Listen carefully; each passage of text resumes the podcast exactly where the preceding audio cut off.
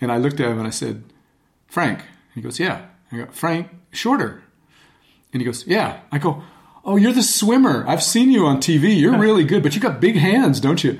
And he looked at me and he goes, that's me. he just went right with it. He goes, yeah, my hands are, well, they're really not that big. Just look big on TV. So we had this whole thing going. I'm on don't stop. Rocking this year, I'm in the hip hop. Let me make that clear. And when the beat drops, Chameleon will appear. And all these whack rap cats will be running in fear. Hallo? Hallo? Hører du meg? Jeg hører deg kjempebra. Så bra. Ja. Messenger er mye bedre enn vanlig telefon, altså. Sånn, eh, sånn kan det gå. Ja. Eh, du er nå med i introen til eh, neste episode av Noe det alvor. Så gøy. Det, det er faktisk dagens episode, for jeg tenkte jeg skulle release den i dag. Ja. Altså fredag den, fredag den 20. april. Ja. Uh, vet du noe om uh, hvem som er dagens gjest, eller? Har jeg snakka med deg om det? Jeg aner ikke. Nei? Jeg tror kanskje er det Oskar? Nei, det er ikke Oskar. Jeg, jeg tror kanskje jeg nevnte det sist gang jeg traff deg, som var på stirsdag.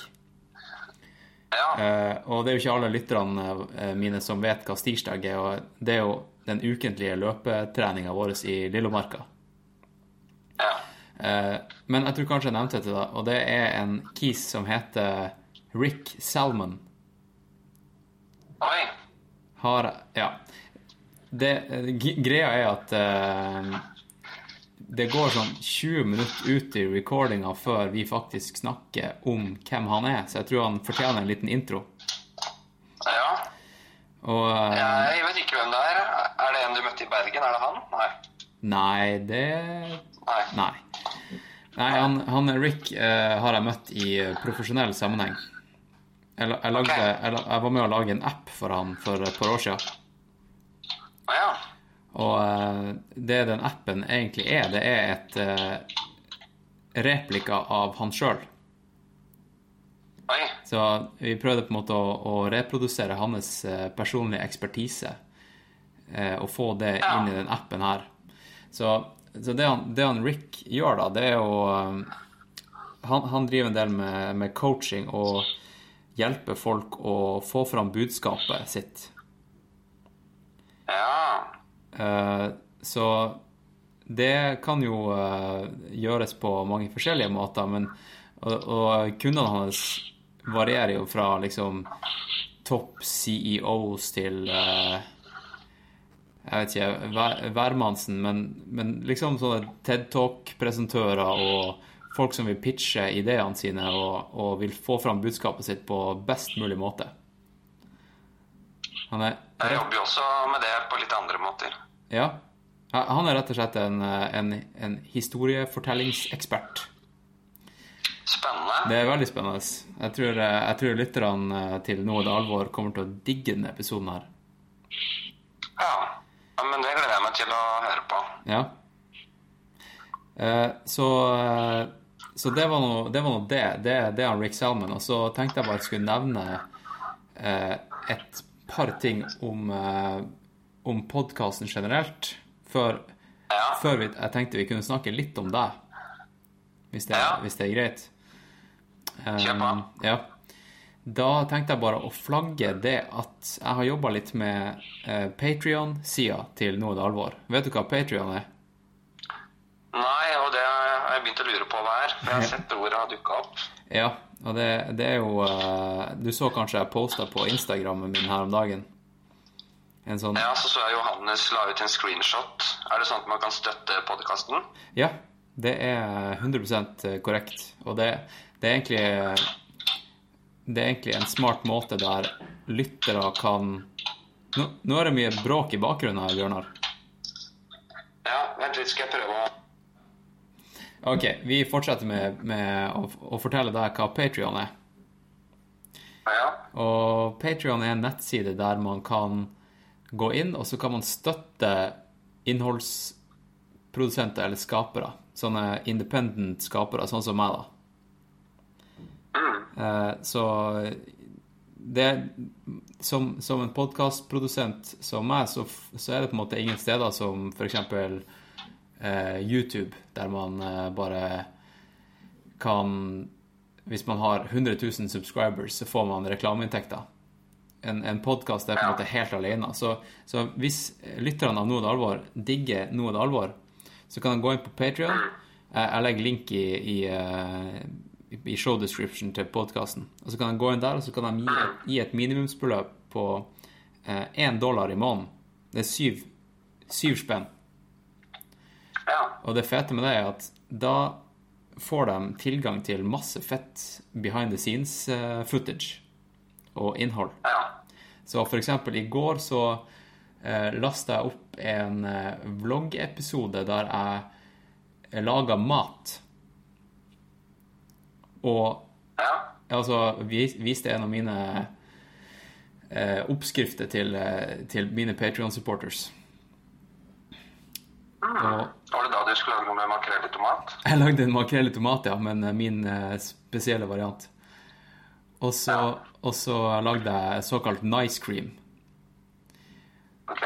Eh, og i dag så lasta jeg opp en eh, video der jeg ligger og ruller på foam roller og beskriver hvordan jeg bruker den i recovery og, og sånt. Ja. Så jeg tenker jo at det blir en del sånne løps, eh, løperelaterte, treningsrelaterte posts der, da. Mens, eh, mens nå det alvor blir mer sånn generelle Eller masse forskjellige tema, så blir det mer, mer treningstips og triks der. Jeg fikk forresten opp eh, Det er jo nyttig å vite. Jeg googla jo i stad Patron, og nå er det alvor, og da kommer det helt øverst din podkast, og sikkert der man kan støtte deg, vil jeg tro. Ja, det er jo, det er jo der. Mm. Så det er fett. Det er jo, det er jo litt TikTok, det var lurt. Ja, det er jo litt sånn eh, Det er litt vanskelig å, å, å be om penger fra folk, men jeg tenker syv spenn, det, går, det er null stress. Du skal få min støtte der, altså. Ah, faen så kult.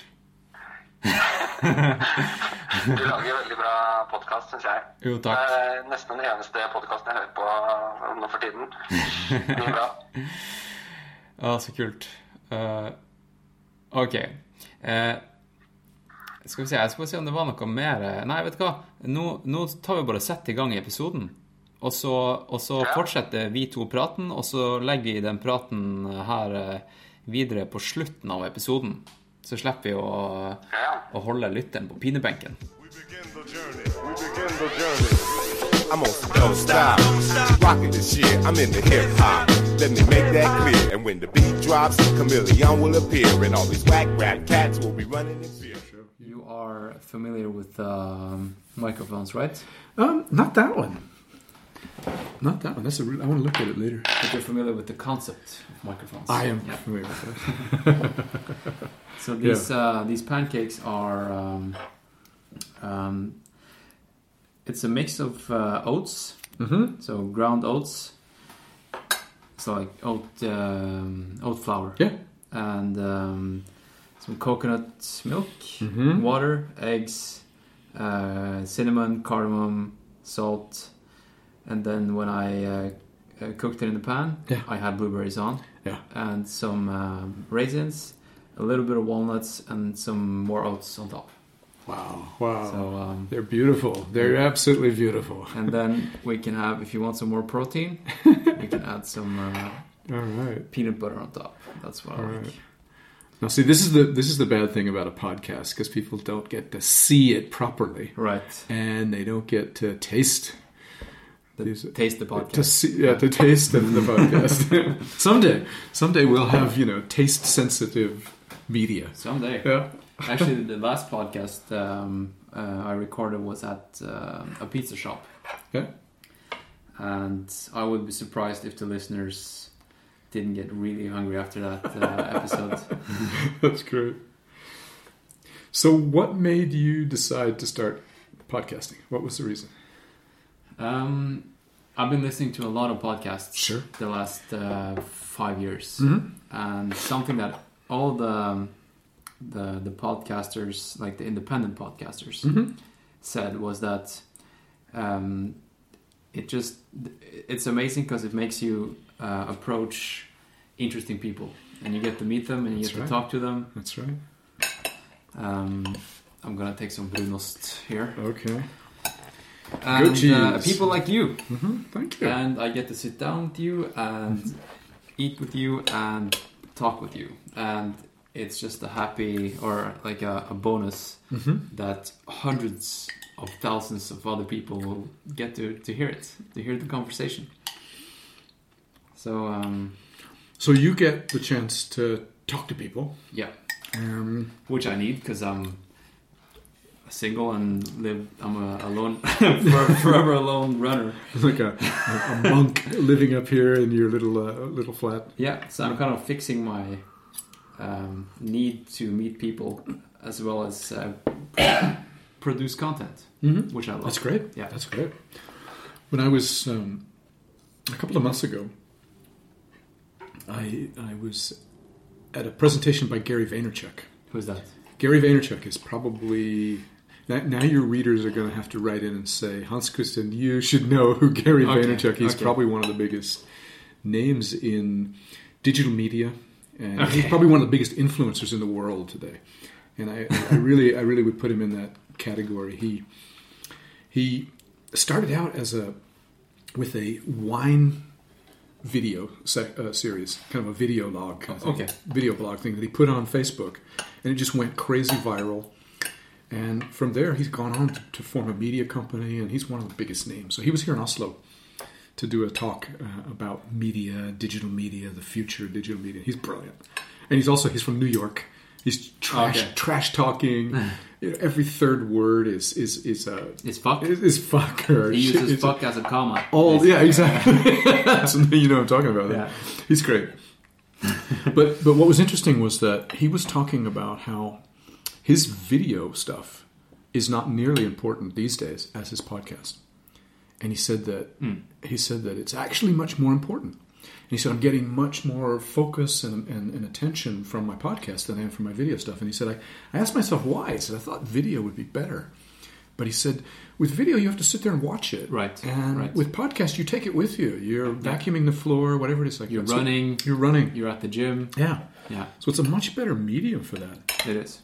And I think even though it's a it's an old medium like like radio, for example, it's a, it's a much more um, I don't know. It suits the um, this day and age, 2018. Even though we would we would think that it's all about uh, internet and reading and and video, 3D and yeah, Immersive, yes, right. Yeah. VR. yeah. mhm. I think we're all kind of stepping back. We want to imagine stuff and Yeah. use, use our brains a little That's bit right. more. I like it. So And there's something about, you know me, I'm a voice guy, and voice is really important to me. Hmm. And when you have someone else's voice and they're speaking clearly into a microphone, and then you're taking earbuds and you're putting it deep into your ear, yeah, it's a much more intimate conversation than you almost ever have in real life. You know, you- people don't think about it as much. A phone conversation, for example, is a much more intimate conversation because of the fact that they're right deep in your ear, Right. and every little nuance of your voice can be heard, Mm. and people can pick up on it. And when you're not being uh, distracted by the visual, then it's all auditory yeah, and it's it, it's just it's a fascinating medium and like you say then you use your imagination yeah. then we tap into feelings and stuff like that at a completely different level And I think just like this podcast, which is extremely independent, there's no editor, Mhm. there's no one kind of um, Hmm. over my shoulder and saying what I sh- should say and not Yeah, not yeah. to say. Um, I don't know. I can we can have like a, a 10 second pause. Mm-hmm. And don't worry about it. We don't have to edit anything afterwards. We don't have to keep the listener interested all the time. Hmm. I don't know. It's just uh, it's just fascinating. i was waiting for you now to pause for 10 seconds just, we just actually, people out yeah. we did that on one episode. We said um, we're gonna pause for you. so, um, do you listen to a lot of podcasts? i do Yeah. i do What? Which ones? um, i listen every day to the new york times the daily from new york times it's about Mhm. a 20 minute news summary and it's just really well done and again, the guy who's the the, the sponsor for, or the reader for the whole thing has just an amazing voice. I can't think of his name right off my head, right off the top of my head. But um, I listen to that every day. That's news. I, I listen to Tim Ferriss, obviously. Oh, you know, yeah? yeah, he's fantastic. I mean, I, Yeah. I actually stopped listening to him. did you? Yeah, I got stressed. I felt, like, I felt like I had to do everything. He, Oh yeah, yeah. He, he's insane. Yeah. the human guinea pig, and he's just he's so obsessive about everything. Blood tests. Hmm. It's hilariously funny. But I, I like Tim Ferriss. I like his style. I like it less when he talks about training because I just had, had so much of that. Yeah. and more when he goes offbeat and talks about uh, other things. He he has several podcasts with I believe her name is Esther Perel. Yes, And those are good. It's really good. Um, uh, just just several of his things that, that I've, I've thought have been really interesting. He's he's good at asking questions, Yes. and he's good about framing the whole conversation, but also giving the person being interviewed a lot of space. Hmm. He's good at that. So you listen to Tim Ferriss. Mm-hmm. Uh, is that why when I met you the first time was it three years ago? It might have been two, Yeah. two and a half, maybe. hmm So when I met you face to face for the first time, Mm-hmm. you were in the middle of a seven day fast. Oh, Was that inspired by Tim Ferriss? It wasn't. It wasn't. But um, that's right. I forgot about Hmm. that. Yeah. Yeah, I was in the middle of a fast. Have you tried that again? Yeah. Do you do it often? every or- year? Every year. At least every year, and sometimes as needed. Yeah, you mentioned that you were interested in talking about that. Yeah. It's, uh, there are so many people you could interview who know so much more about Well, it. I can tell yeah. you my experiences. Yeah, that's. I think that's uh, more interesting than talking. About, I mean, people can get their information about fasting on the internet. Hmm. I think they want to hear about the the experience more than the facts. yeah, sure. Yeah.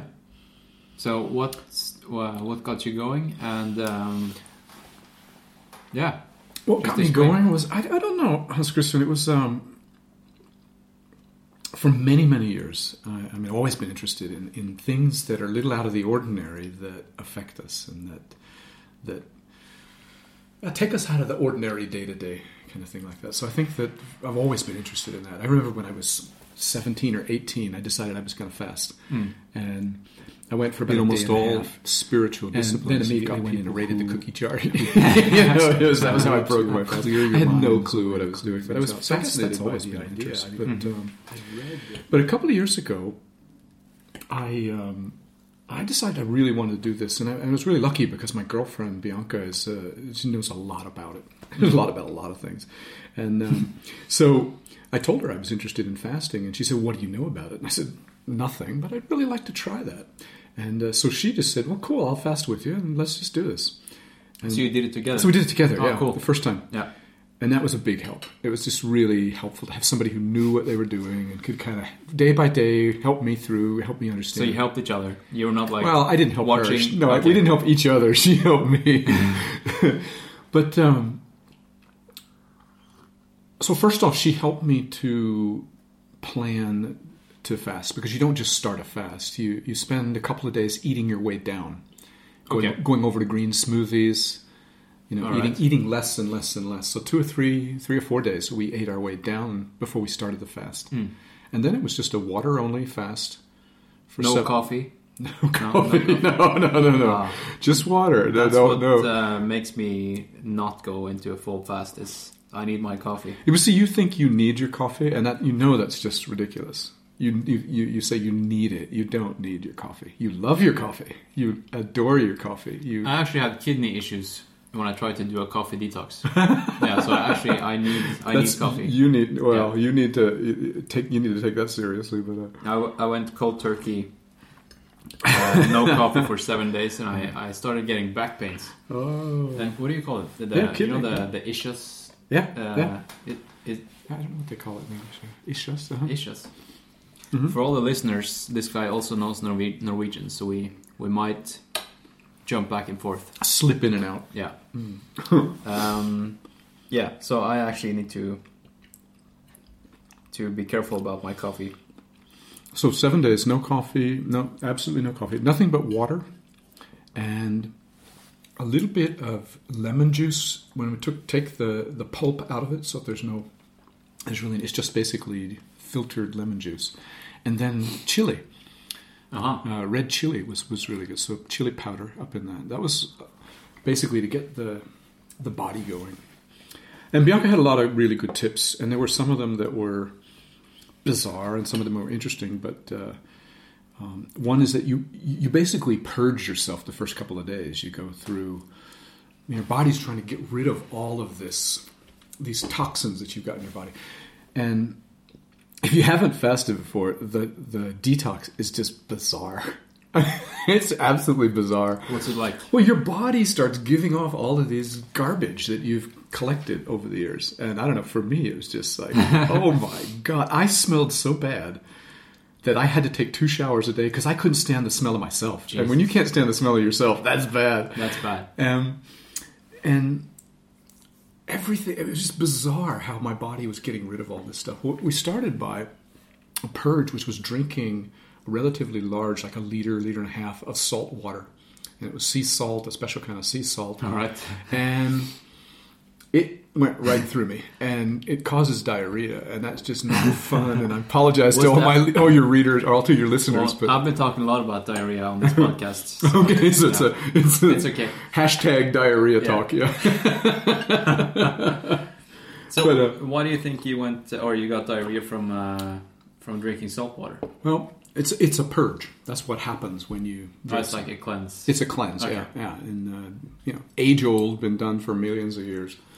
Um, but basically, what happens you you get you lose everything that's in your bowels, and yeah. you're clean after, or at least you're cleaner after that. And it, when you don't eat, then after it, then there's nothing left in your body. Um, and the first day, you know, I thought it was going to be really difficult. For you, you're a, you're used to pushing yourself. You're used to to running. You're used to to marathons, to ultra running, and so forth. You, you, you know what that's like to push yourself. But Yeah. I thought it was going to be harder than it was. It's not that hard. The first day, I have a lot of cravings. It's like I got this amazing craving for hamburger. I just had to have a hamburger. I was like fixating on hamburgers, and it wasn't that I was hungry. It was I had a craving. It's a big difference. Okay. Yeah. Um, so for the first day, it was more, and it was more just the pattern of you know you get up, you do your stuff, and then you eat. So Yeah, you eat because it's twelve o'clock. Exactly, You- yeah, yeah. You don't really listen to your body. Do I need food? Yeah. Actually, uh, inspired by um, us having this podcast today, I didn't eat breakfast. Mm-hmm. I skipped breakfast okay. um, because it's an easy day on training. Yeah. And I just didn't. I, I ate, I think, at nine or ten o'clock last night, Mm-hmm. and I said to myself, I'm not going to eat before lunch, Hmm. just to see, you know, listen to my body, see if I'm actually hungry. Hmm. And it went. It was fine. Yeah. Yeah. It's no problem. And, and you know, Hans Christian, that's the most amazing thing uh, about having fasted and having gone through it. Once you've gone through it, you realize it's not that big a deal. No. And if I need to skip a meal, it's no problem. You know, and, if, and, and unless you're working on a really hard exercise regimen or something like that, skipping meals is not a problem at all. And so once you psychologically you know, hey, it's not a big deal, then you stop stressing about food. I mean, I know so many people who are like, I've got to have my breakfast or else I get shaky. Yeah. And while that Well, may be so a, what? Yeah, you so get what? shaky. So, So- what? It's not dangerous. it also means you're eating too much sugar, but that's another Yeah. thing. So uh, about uh, about two days in, it's really easy. All of a sudden, what happens is that your your body, one of the most energy uh, demanding parts of, of metabolism Mm-hmm. is digesting food. And once your stomach realizes, hey, no food to digest, then it kind of goes on autopilot. It, it kind of chills out, and so you get this kick of energy Right. at about day two or three, which is really amazing. And I, I was like, oh, I want to do this, I want to do that, and you know, I want to. I think I want to rearrange the uh, kitchen, and I want to paint the uh, closet, and you know, you get all this this burst of energy. And for me, that usually lasts uh, days two, three, four, five. Around days five, I start to get weak. Okay. I start to slow down because my body has gotten rid of everything. That makes sense. And the first time I hated it because then I felt like, whoa, I want to be out running and cruising. And then I realized, no, wait a minute. The gift of this is to slow down. Right. And so now, whenever I fast, I try to plan it. It's got to be a week where I'm not going to be holding a workshop, not going to be At least on day five, right? What's that? Yeah. At least on day five. At least on day five, yeah. On those final day three, five, day four. yeah. Then, then that's probably okay. Yeah. Although I like to, I like to be, I like to be in my environment rather than being traveling hmm. and having to uh, having to deal with that. It's just so much nicer, and especially around. This is a hard one to explain, but around day day four, I've experienced that you get this clarity, this mental clarity that's unbelievably interesting and it's different. It's an altered state. and if you look at all the old literature of all the old religions, they used fasting as a way to cleanse not just their body, but also their mind and spirit. You know, people would go into fasting and then go into prayer. And monks have been doing it for thousands of years, and Buddhists have been doing it, and Yeah. they used fasting as a as a way of accessing that. And I've always found that you know, day day three, four, five, right in there, I'm just so clear in my thinking, and just feel like it's this amazing kick to be like that. And then by about day six or seven, I'm kind of ready to be done with you it. want that burger. Yeah, I, I want I want that burger. yeah, and I, and I um, I'm, I'm kind of ready to be done. And it's it's just a beautiful experience. And then you have to be careful and eat your way up. This is where Bianca helped me so much, which she Okay. just basically so said, you can't okay, just have that. no, you Okay. you start very carefully with only liquids, green smoothies, Okay. and then slowly work your way back. And the other thing is that you're really feeling clean and just cleansed, and you don't want to go back to eating garbage. Right. I wanted the hamburger, but I really didn't. Yeah. What I wanted was more clean green I foods. think you can uh, compare it to when you're done with an ultra race or a marathon. Yeah, yeah. You feel like you want to eat everything, like everything that's shit on the menu. Yeah, yeah, But you also feel like this is a good opportunity to refuel my body with the really the right- good stuff. The yeah, good stuff. Yeah. Yeah. So um, It's, it's a fascinating thing. I mean, I really recommend it, and especially to all of your buddies who are ultra marathoners and people who are willing to go, people willing to work hard to experience something. Uh, I think it's amazing. You know, you know what? I, there's another thing about this that's really fascinating, and that's that. Um, and I, I am not an expert. I just read a lot. okay. okay, and I Well, that's called an expert. well, no, I, I, I know a little bit about a lot. Okay. I'm I'm a, a, an extreme generalist, but Sounds like me. I saw and, and I saw something really interesting a couple of years ago on Schrodinger's Cat, the Yeah. uh, the Norwegian uh, science program, which I think is a good program. They It work is, hard to is. be real factual and scientific. Does it still exist? I think so. Yeah, I think uh, NRK Okay. still makes episodes, Okay. and it was an it was an hour long documentary about fasting, and they primarily focused on two people. There was a Russian doctor, uh, and there's a doctor from San Francisco or whatever, California. Okay. And the two of them have been doing this amazing research on fasting and the effects on the body. And they're getting incredible results, but they're not getting funding from the big pharma companies and so Of forth. course. Yeah, of course. How yeah. can you sell nothing? yeah, yeah, exactly. Yeah. We've got a great product for you. Yeah, Nothing. oh, I guess you could sell a PDF or something. Yeah, Right. that's about it. And he- he- here's what they describe, and, and to me, this is just such an amazing thing. It, if I ever, you know, if I ever end up in a situation where I, I get cancer, hmm. and I'm faced with chemo or something like this, this is what I want to at least delve into and try to experiment with, or at least to find out about. Yeah. Because what they found out is that people who fast have a completely different reaction to chemotherapy than people who don't. Okay, so it's not like uh, you can do fasting instead of chemo. No. If you com- if you combine it. It was the combination of the two. And I'm, who knows? I mean, I think that there's a lot to be explored about whether fasting has an effect on, on, on cancer. I don't know the answer to that. But he- here's what they explained. And I just thought it was such a cool explanation that it just made sense to me. What- What they said was that when you fast, uh, day one you burn up all the carbs in your body, all the sugars and the carbs, and you pretty much empty the closet, uh, empty the pantry on day one. And day two you go into ketosis, Yes. which is where you're now burning fats. Okay, and then after day two or so, you, you're in heavy ketosis, and your body realizes we're not getting any more nutrients, and it starts to then burn uh, proteins. Yeah. So, which is not harmful or anything like that. We've all got plenty to go on, but it just your body's going through a rather rapid change because it's not getting any food.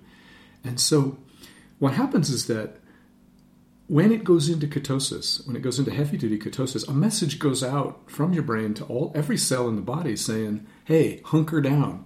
We're not getting any food.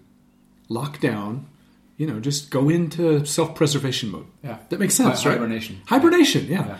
So healthy cells lock down. They go into a mode where they basically just they become less active and they shut down.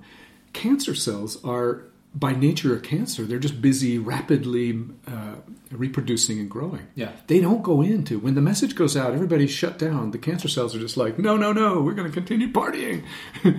and so therefore they're still open. When che- when you take chemo, the idea with chemo is basically bring you as close to killing you as they can. Yeah, yeah, kill kill all the bad the bad cells. Hopefully kill all the bad all stuff. the good cells as But well. you kill a lot of good cells as well. And what they're finding is that people who have either fasted before doing a chemo, a serious fast, not just a, a small fast, but, but a real fast before a chemo, as well as people who've experimented with fasting during chemo, have had completely different results Well, in that not as many of the normal cells get affected because they're in lockdown. So the chemo just washes past. Hmm. Now, again, somebody's going to say, Rick, you don't know what you're talking about. And I'm going to go, you're absolutely right. but at the same time, it just makes sense that that's what's going on inside your body. And so, anyway, if, if I ever end up in that situation, I, I really want to make sure I learn more about that. And if somebody else who's listening ends up in that situation, don't take my word for it, but go check it out. There's a lot been yeah, written do about some this research. do some research Yeah. because it's pretty interesting stuff and uh, both the russian as well as this california doctor who are doing all the research they said if we were getting these kind of results the test results from a, a drug we'd be billionaires. They, the drug companies would be lined up at our door throwing billions of dollars at us because the, the effects are really amazing. But because it's fasting they're not interested. And, and so it was an interesting Wow. little It's amazing how much uh, big pharma is uh, stopping a lot of fun uh, funding for uh, for for example uh, marijuana because it's just a plant. It's not a you can't sell it as a pill. It's not made in a in a in a lab. You can't you can't take a patent on marijuana, for example. Okay, we've been talking for about 20 minutes and we still haven't uh, talked about you and who you are. So, uh, if we could talk for 20 more minutes we could probably bore everyone to tears no, and then people, we people love this. okay so you want to know who i am Yeah, your your I, I, I guess I guess I want to just say, who do you think I am? who, who do you want me to be? maybe I can uh, maybe I can um, try to explain to you, yeah, who I think you are, and then you can okay, come back at me. I can correct you. All right. So first time we met was over Skype, three three years ago. I was in Peru. You were in Oslo, um, and you were a potential client For Right. X, Mhm. for for the company I used to work at, Eggs. the amazing company I used to work at. Amazing company. yeah. And uh, yeah, you were pitching this idea you had uh, to me about this product. Mm-hmm. And I remember this conversation as uh, like a I don't know. Uh, maybe I was feeling a bit alone in Peru with all all these uh, Spanish speak, speaking people. I was uh, I had been away from uh, from Norway for five months, and then I talked to you, Mhm. and the way you talked to me was like you really looked me in the eye through Skype, and I felt like I was being heard for for the first time in a long while. So I remember that conversation very good. Yeah. Wow. So um, yeah, and and the product you were talking about was what's now known as Voiceable, and that's um, kind of an application which tries to replace you and your expertise. It's like putting Rick into an application, mass producing, duplicating yourself Yeah. into everyone's pockets. That's okay. Yeah. Yeah. yeah. That was that's part of the intention. Yeah. Can you try to explain your uh, what your expertise is? I will. Um, I will. or- I, I want to. I want to back up and talk about what you just said because you said something really interesting. And first off, thank you for that compliment. I mean, if we Over Skype. over Skype, you in Peru, myself in in Norway, if we really connected, or if you felt a connection, which I, I, I agree. We had a really lovely talk. You and I were really, we had a great connection. I don't mean data connection. No, that Connection- was actually horrible. That was actually horrible. Yeah. But between the two of us, we had a really good connection. Yeah. And I felt like it was. I, I went away from, and again, I'm interviewing you because you're going to work for, you're going to do some work for me as a designer. yeah. And so, after talking to you, I felt like, wow, what a really nice guy, what a cool guy.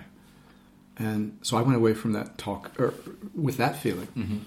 And it, a lot of the work that I do is exactly that, Hans Christian. It's Talking. well, it's Connecting. connecting, Yeah. connecting. Yeah. You know, it's one of the most delicious, wonderful things that we get to do as human beings. It is. It's connecting with each other and having those moments of just like, you know, we were like looking each other in the eyes. We are just like talking about stuff back and forth, and who cares if it's even brilliant? The You know, as I said, that's why I have this podcast. Yeah. We get to do this. we get to do this, yeah. yeah, And it's what is it that allows us to connect to each other? How do we do that? Hmm. And is it something that some people are just really good at and they you know, were born with it, or is it something we can learn and get better at? Is it a skill we can practice? This idea of sitting down with somebody and first you have to make a decision.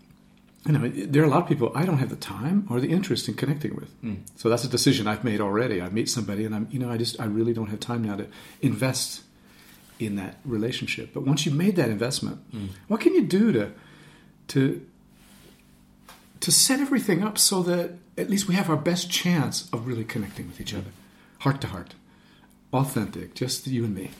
And that's just to me that's amazingly interesting and, and ultimately I'll never know really the answer to that one. I'll really never understand that one completely.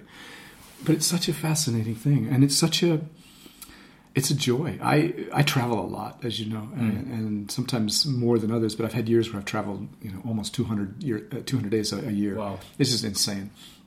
And and so I spend a lot of time at airports, and and I decided that I love departure lounges. When you land, you're ready to get your bags and get out of there as quick as you can.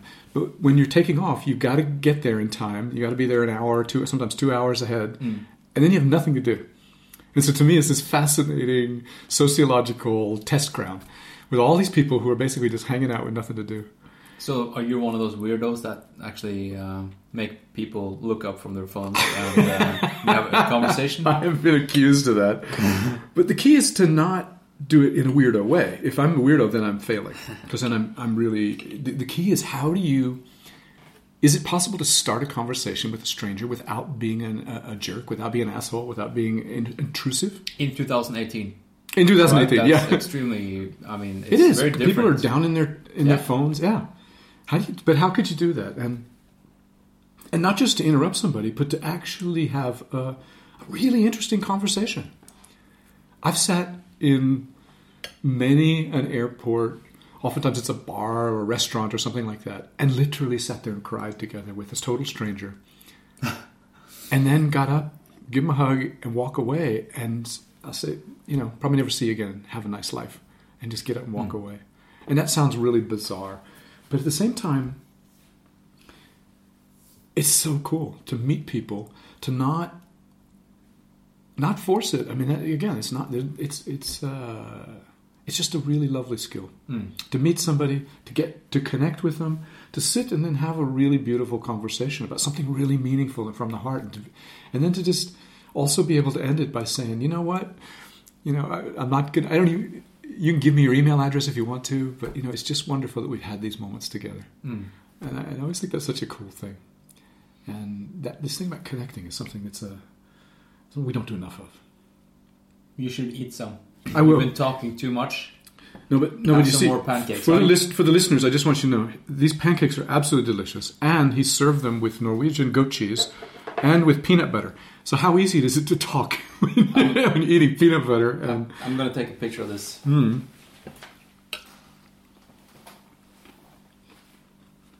I'm not gonna edit this out. oh, it's delicious. Yum. All right. So you're from uh, the U.S., America. I'm from the U.S. Yeah, Yeah.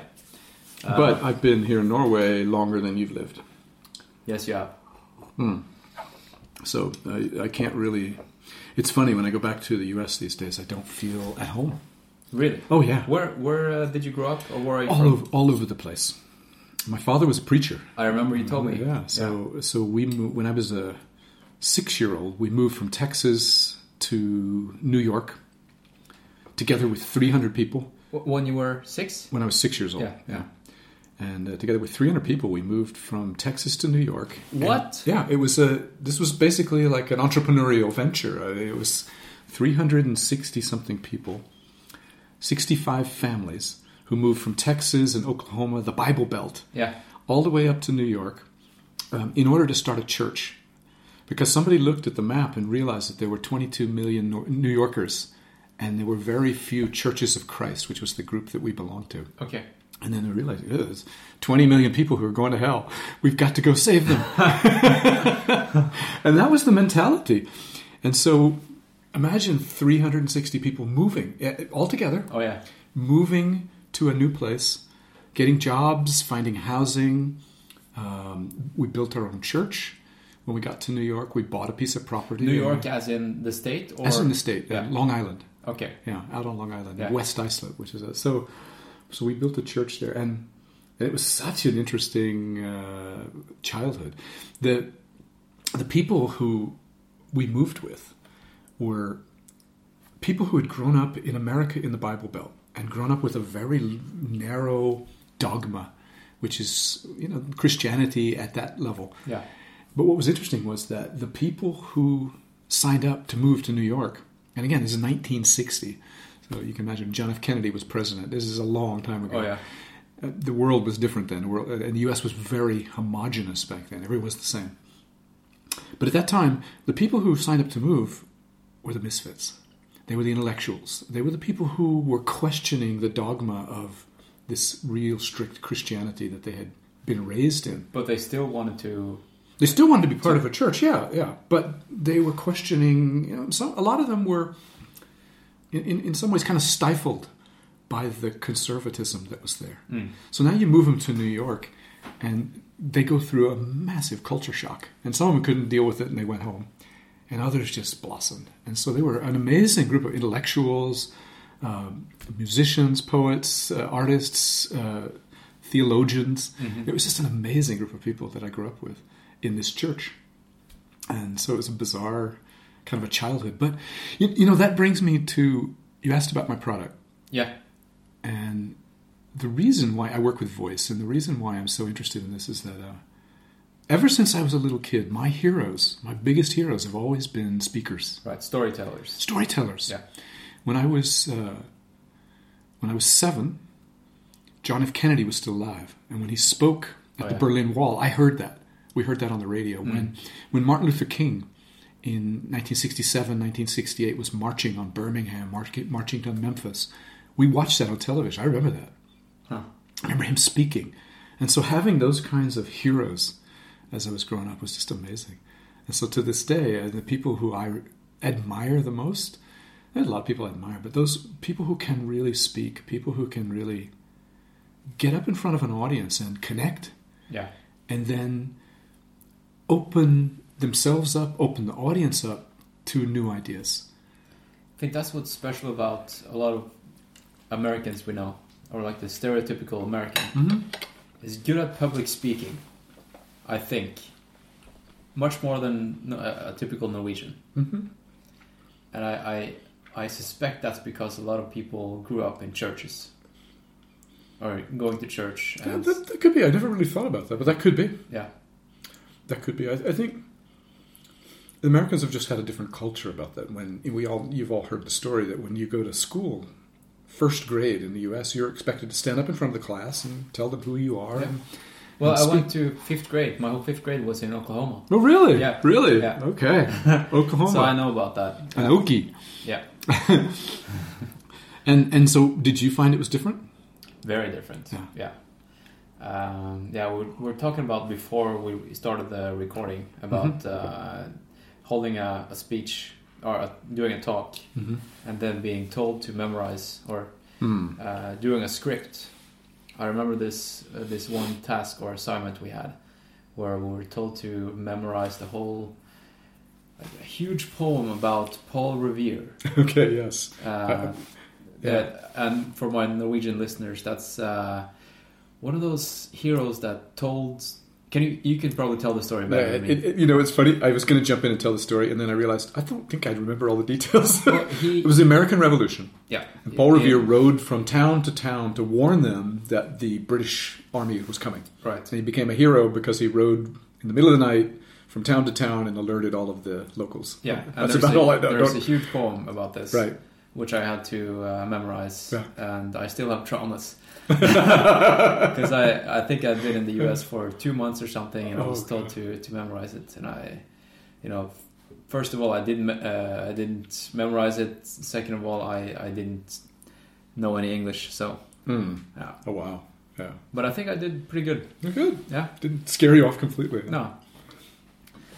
So uh, No, I uh, think I think Americans have a different attitude about it. Hmm. But there's some great Norwegian speakers. It's not, Oh yeah. you know, it's, uh, and, and I also think that the rules have changed the last couple of years. in Norway or just globally, globally? globally, with YouTube, with TED Talks, with Yeah. you know, we every day are being bombarded by speeches where ten years ago we didn't see it that often, and twenty years ago, you know, it was it was completely off the radar. What do you think has changed? Let, let me give you uh, maybe uh, my my Sure. perception 1st I think we're we're more longing for the genuine. Mm. Like we need the the personal stories. We need the uh, before someone tells uh, gives you the true message. Mm. We need to hear about maybe a breakup or that they were doing drugs. So we need to, to hear the truth 1st Mm-hmm. and to humanize the person, and then we can Mm. get the real Mm. information, and then it sticks. And that it wasn't like that before. Maybe not. Maybe it was a bit more formal and things Yeah. like that. I I um I think you're absolutely right that we want real people. Yeah. And especially in today's world of fake news and you know, it's become a point where what do you believe anymore? Mm. What do you believe anymore? I read this morning that the Russians and the Syrians are claiming that Israel was behind the nerve gas attack that took place in Syria last week. Okay, Israel. That Israel Is that behind correct? it. Yeah. Okay, Well, I don't know if it's correct or not. It's probably it, it, it's either fake news that somebody planted or it's a horrible truth. I don't know the answer, Yeah. but how do you know? And, and anymore, and so therefore, I think that in face of all of this ridiculous face news that we're being fed with, what we want is real people. We want the the real connection, and that's Mm-hmm. why I think stories are so important. And this topic about being authentic is uh, it's hugely important. It's hugely important. And uh, so, what's changed? I mean, what, one of the things that's changed is that the internet has, has completely changed our view of the world. The world has become a smaller place. Has. We're connected more. And I don't think we're even we're at the very beginning of a very very steep curve. I mean, we're we're really just at the beginning of this. We're going to be more and more and more closely connected. Oh as- yeah, and as borders. I thought about this yesterday. Borders doesn't make sense anymore. They don't national borders. Uh, No, you know, no. even language borders. What you know, it, it'll only be a few years before we'll have a Babel fish in the ear. You know, Yeah. that just I, I can sit down with a Frenchman and have a a really good talk without having to use English. It was I'll use my English, he'll use his French, and Babel Sure. fish will take care of it. Yeah. Yeah. So yeah, borders, nationals, nationalities. Um, there's still some massive borders that need to come down with race. I think we're seeing this in Oh, the yeah. U.S. right now with Yeah. You know, the, the racial separation that's going on there right now, and that's got to come. That's got to go away. Even the talk about genders. Yeah, Like yeah, uh, absolutely, Yeah. absolutely. I know it's it's been big in the US for the last year and Mm-hmm. now it's coming to Norway. Okay, yeah, yeah. No, it's a so so.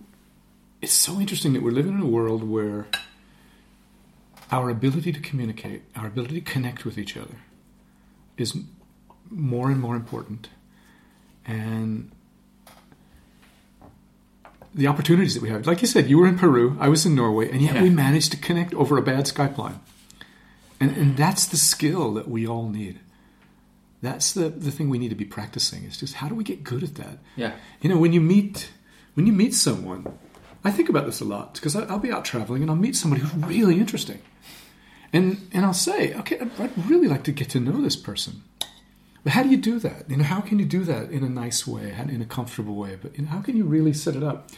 Um, It's not as hard. It's not as hard as you think. No, it's not very hard. But I also think maybe that person was really interesting because they gave you like the uh, the best the best version of them for those five minutes. Yeah. And Yeah. then once if you uh, if you would get to know them for real, then maybe they were just the boring. Well, I, that's a cynical view of life, Hans Christian. Stop it. Um, no, I think it, it's more. I I think it's more that when you give someone the gift of your attention, when you really listen to somebody, it's an amazing gift, and and we don't do that enough. It's not about talking; it's about listening. It is. And you know what? For example, now, um, I know my phone is here. I should put it away. I put it on Do Not Disturb and airplane mode. But when people have their phone on the table, Yeah, it's like a yeah, yeah. it's insulting. I think. It is insulting, Yeah. especially when somebody. I, I so many times I've been in a, like a, a really good discussion with somebody, or in a meeting, an important meeting, Yeah. and the phone will ring, and somebody will pick it up, and it'll just be a telephone salesman or something ridiculous, but they let it interrupt. They let it interrupt. yeah, It's they're, they're telling you that this is more. This is more important. The interrupt, the likelihood. Yeah. Yeah. Um, but never underestimate how much most people love to talk about themselves, and you know, it's just uh, it's a fact of life. It's a, it's it's actually a, a perfectly okay okay thing. It doesn't mean everyone's a narcissist, but um, I have a funny story about that. A couple of years ago, that was about ten years ago. I I travel a lot, and I was going to Boston, and I was going to do a workshop mm-hmm. in Boston. And I have a buddy of mine who I, I studied with at university, and, and he had just moved to Boston, and I realized he was going to be. He just moved to Boston. I, I found him on LinkedIn, and he was just in Boston. I was going to be in Boston, so I was great. You know, let's get together. Yeah. So I contacted him, and we agreed to have dinner. And the day that I got there, I did my workshop during the daytime. I was on my way over to the restaurant, and I got a phone call from him, and he goes, "Oh man," he said, "I have a I have a really big problem." Actually, sorry, I'm getting ahead of myself because uh, about three days before the meeting, he called me. He said, "Rick, would you mind not only the two of us having dinner, but he said, would you mind if, if our if my boss joined us?"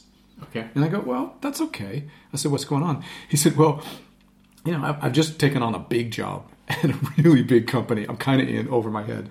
He said, it would be really cool if you and I and my boss kind of bonded, the three of us. He said, you're usually good with people. So he said, you know, would you, would you be up for that? So I said, yeah, no problem. So, so it was gonna, three of us were going to meet. Okay. So I did my workshop. I'm on my way over. I get a phone call from him. and he goes, dude, or he goes, bro, listen, I'm sorry, but uh, my daughter's sick. She's throwing up all over the kitchen floor. My wife is at school tonight, and the babysitter is also throwing up. So I, I, I can't come. I, I've got to bail. he said, I really apologize. But listen, he said, I called ahead to Bob, the CEO. He's there at the restaurant. He said, Do you mind just go have dinner with him? He's already there. He's in the corner booth. And I said, No problem, no problem. So I went and met this guy, and he's the CEO of a really big company. And uh, it was just kind of funny because I walked up, introduced myself, said hi, and he was very nice. And I sat down with him and started talking with him. And I, I did everything I could to connect with this guy. So I immediately started asking questions and, and got really interested in what he had to say and concentrated and really listened to what he had to say. Yeah. And he started telling me uh, about himself. And he started telling me about his company. And I started asking questions like, you know, wow, that must be really challenging to be the CEO of that company, especially in these times and changing market. He's like, yeah. And he starts telling me about it. And I, tell me more about that. How do you deal with that? And so I got curious. And he talked. As if it was a podcast. As if it was a podcast. yeah. but, but what was funny was that after a while, I realized that he's ta- he's doing all the talking, and I'm just asking questions, mm-hmm. and it was really interesting. But I started to kind of turn the conversation towards me, and every time I do that, he just kind of after two sentences, he'd be back on himself again. Okay. it was just hilarious. And after four or five or six attempts to kind of turn it around, I was I started to get fascinated by the idea he just doesn't want to talk about me. He's having so much fun talking about himself. And then I got this like, I wonder how far I could take this. I kind of got that idea. So so then I just stopped talking about me. And I got really curious. I got insanely curious about everything about this guy's life. And I asked questions and I went deeper and I asked questions and he told me and we laughed and he told me stories and it was just absolutely amazing.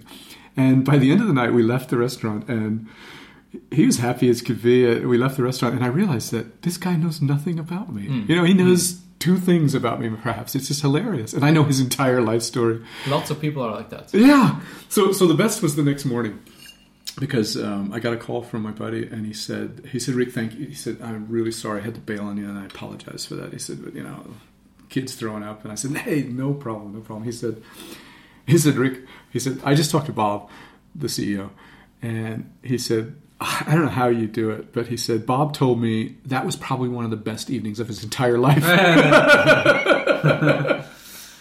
it just goes to show you how you know it was a gift uh, it, it's it's a gift to have somebody who listen Yeah. and to have somebody who genuinely be interested in and never underestimate how much people really enjoy and love talking about themselves and especially to someone who's who's capable and willing to listen Isn't that one of the, the best tips you can get before a date? Before going on a date? absolutely Get her or him to s- feel like you're interested in them and make them talk about themselves. I, I, I will challenge you on that one. Don't you dare try to get them to believe that you're interested. Get interested. Of course, of course, of course, yeah. I mean, yeah, but when you But if you're out- not, then you should still, if you want the conversation to persist, then Yeah. pretend. pretend. No, don't pretend. You can be interested, but then have boundaries. yeah. And then be clear about it. You know, we had a great time tonight, and you're a really fascinating man or woman, mm-hmm. but I'm not interested. Or at least don't take it as a rejection. This is a selection process, and, and uh, you're probably going to dump me anyway, so don't worry about it. Whatever it is. But, you know, when you genuinely take the time to get interested in somebody, to really, really feel it deeply, it's, it's amazing. And you may not get the date, but you may make a friend. You know, you, you may Yeah. connect with somebody in a beautiful way and get to experience something that you otherwise wouldn't. And so, so much of my work is about that. Yeah. That's Christian. And, and Yeah, s- so this this trip to Boston, Yeah. uh, is that one of the, the one of the classic trips you do? And what do you do on those trips? I do a lot of workshops, and that was for a client, so that was a different situation altogether. That was for a corporate client who was paying me to go in and teach or to, to hold a big workshop. Yeah. Um, I do a lot of facilitation, and facilitation is different than training. When you're training, you're basically going in and you're saying, "Here's a bunch of information. I'm going to teach you something." Facilitation is where you go in, and you may have something you're trying to teach, but you're doing it in a way so that it's really the group that's teaching the subject. You're, you're trying to bring out the expertise that's in the room. You take a group of of uh, ultra runners and put them together. They'll talk. Put a facilitator in there. Facilitator would be there to kind of lead the talk so that everybody gets a chance to not only speak and, and be heard, but uh, but also to contribute to whatever's going on. Yeah. So you end up with something that's greater than any one person could have contributed if it was just information. Wow, you must have heard a lot of interesting things. Yeah, yeah, and I love the dynamics when you've got a room full of people and you can get everyone together. And the skill that I've developed and, and, and worked on all these years is how to take 30, 40 people in a room and make everyone feel like they're part of the conversation. Even Uh, the introverts and even the people who don't necessarily say much. But to, to be seen, to be heard, and to help contribute, and to, to raise a question, and then, yeah, yeah, oh, great, that, yes, good. And what about you back there? Yes. And then put all those things together into, Yeah. into a conclusion. And that, to me, that's an amazing thing. So that's what I, I do a lot of facilitation. Is that what you call um, the workshop you had with me and my colleagues Mhm. a facilitation? Yeah. Okay. Yeah. I Because I remember uh, we were in a in a group in a circle, Mhm. about ten people, Mhm. and um, yeah, people really got to to um, to talk about themselves and open up. Yeah. And I remember crying. Yeah. Yeah. Do you see a lot of that? I do. Yeah. It gets emotional when, not all the time, but it gets emotional when we, when we allow ourselves to do that. Mm. I had a workshop last year in a business setting with a bunch of serious business people, and I asked the people in the beginning to get up and share a story uh, about something that they were proud about. And a man got up and started talking about he was so proud of the relationship he had with his father, Mm. who had just died. And it was the most amazing story. And We all cried because he shared something so deep and so precious, and yet just so beautiful. And it was all a business setting because we were talking about how do we how, how do we be authentic? How do we actually really be ourselves when we speak? It was such an amazing moment. I was really, I'll never forget that. Um, and so, yeah, that's facilitation. It's not. It's not here. Here's information. I'm going to lecture you like a professor does. It's no. What do you have to share? What do you have on your heart, Hans Christian?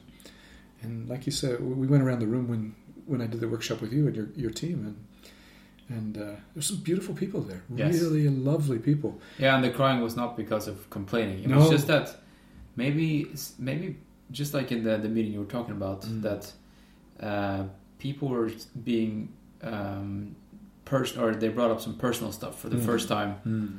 with colleagues, Mm. and that's uh, Yeah. that can be pretty Yeah. powerful. I think. Yeah. It's really powerful. Yeah. It's really powerful. And you know, the people we work with, we keeping a professional relationship is important, but also sharing who you really are is also important. And I think there's too little of that. I know that at Eggs Design, where you were working on that, that's a big focus. Is Yes. the people. Yeah. It was interesting. I was talking to Ula last week, uh, Ulla Somerset, who's your, who's the CEO there, and she was saying that for many years she worked for IBM, Yeah. and she in said the eighties, late 80s. in the eighties. 80s, yeah, back in the old days. Yeah. Yeah. She was working for IBM, and she said she got really good at de- working with companies in order to change. But she said that what happened was that what they would do is she would come in as a consultant and they would work at how do we change your systems and your processes. And she said 80% of the focus would be on the technology and only about 20% on the people. But she said today, and especially with design thinking, because the whole idea behind design thinking is you, you, you go to the user first. Yes. you focus on the people. And then once you figured out what the people need then you go try to find the technology that fits it. So it's it's 80-20 people 80% people 20% tech. Yeah. as opposed to what we typically do. I thought that was such an interesting comment. Hmm. because I, I- think that's what we typically do. We forget that business is about people. And when you have But it's about the product a product for too, the end, for the end people user. yeah, It's not about the people creating the product. well, it, it should be as well. Yeah. But uh, yeah. But it's about what are ultimately what are people getting out of this? What's the real benefit that they're getting out of it? Correct. Yeah. Yeah. How are they going to use it? And you know, I've seen great tech that never went anywhere because it didn't. It failed to address what people really wanted and needed. Mm. It just became flashy tech. Speaking of tech, Yes, sir. um, how what how's your app doing? App's doing well. App's doing well. Yeah. We we launched in uh, end of October, 2017. We, we launched a, a little app called Voiceable, and you can find it at getvoiceable.com. Thank you for allowing me to do the advertisement.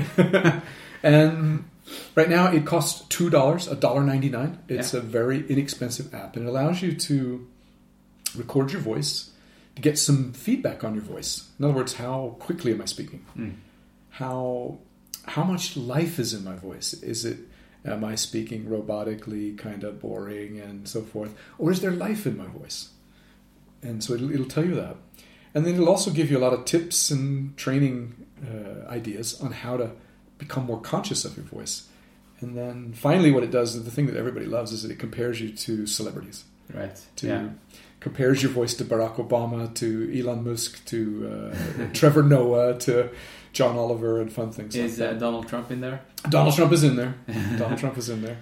Absolutely. People yell at me all the time. Or don't yell at me. People always complain if they get compared to Donald Trump. but uh, uh, I mean, it, it analyzes your voice and how you speak. But why would you want to do that? yeah, good question. Yeah. Um, well, the funny thing about No. I of course I know this. Yeah, I, I know, I know you know. Thank you. Yeah. No, thank you. It's, it's a really interesting question. This is kind of why I got involved in it. Mm. The whole reason why I got involved with this is because I. You ever come across a question and you start to think about it? and You start to go, "Oh my God, that's really bizarre." Lots of things. It's science and behavior and stuff like that. Well, what happened was that as I was working with lots of senior executives and, and, and working with a lot of entrepreneurs who pitch, trying to help them to be better at pitching and presenting, we work on their words, the rhetoric, storytelling, and metaphors and word structures, and we'd work on the body language, Yeah. you know, how that works. But very few people were conscious of their voices. And yet, the voice can be a really big stumbling block for a lot of people. Hmm. They're just not aware that they sound boring.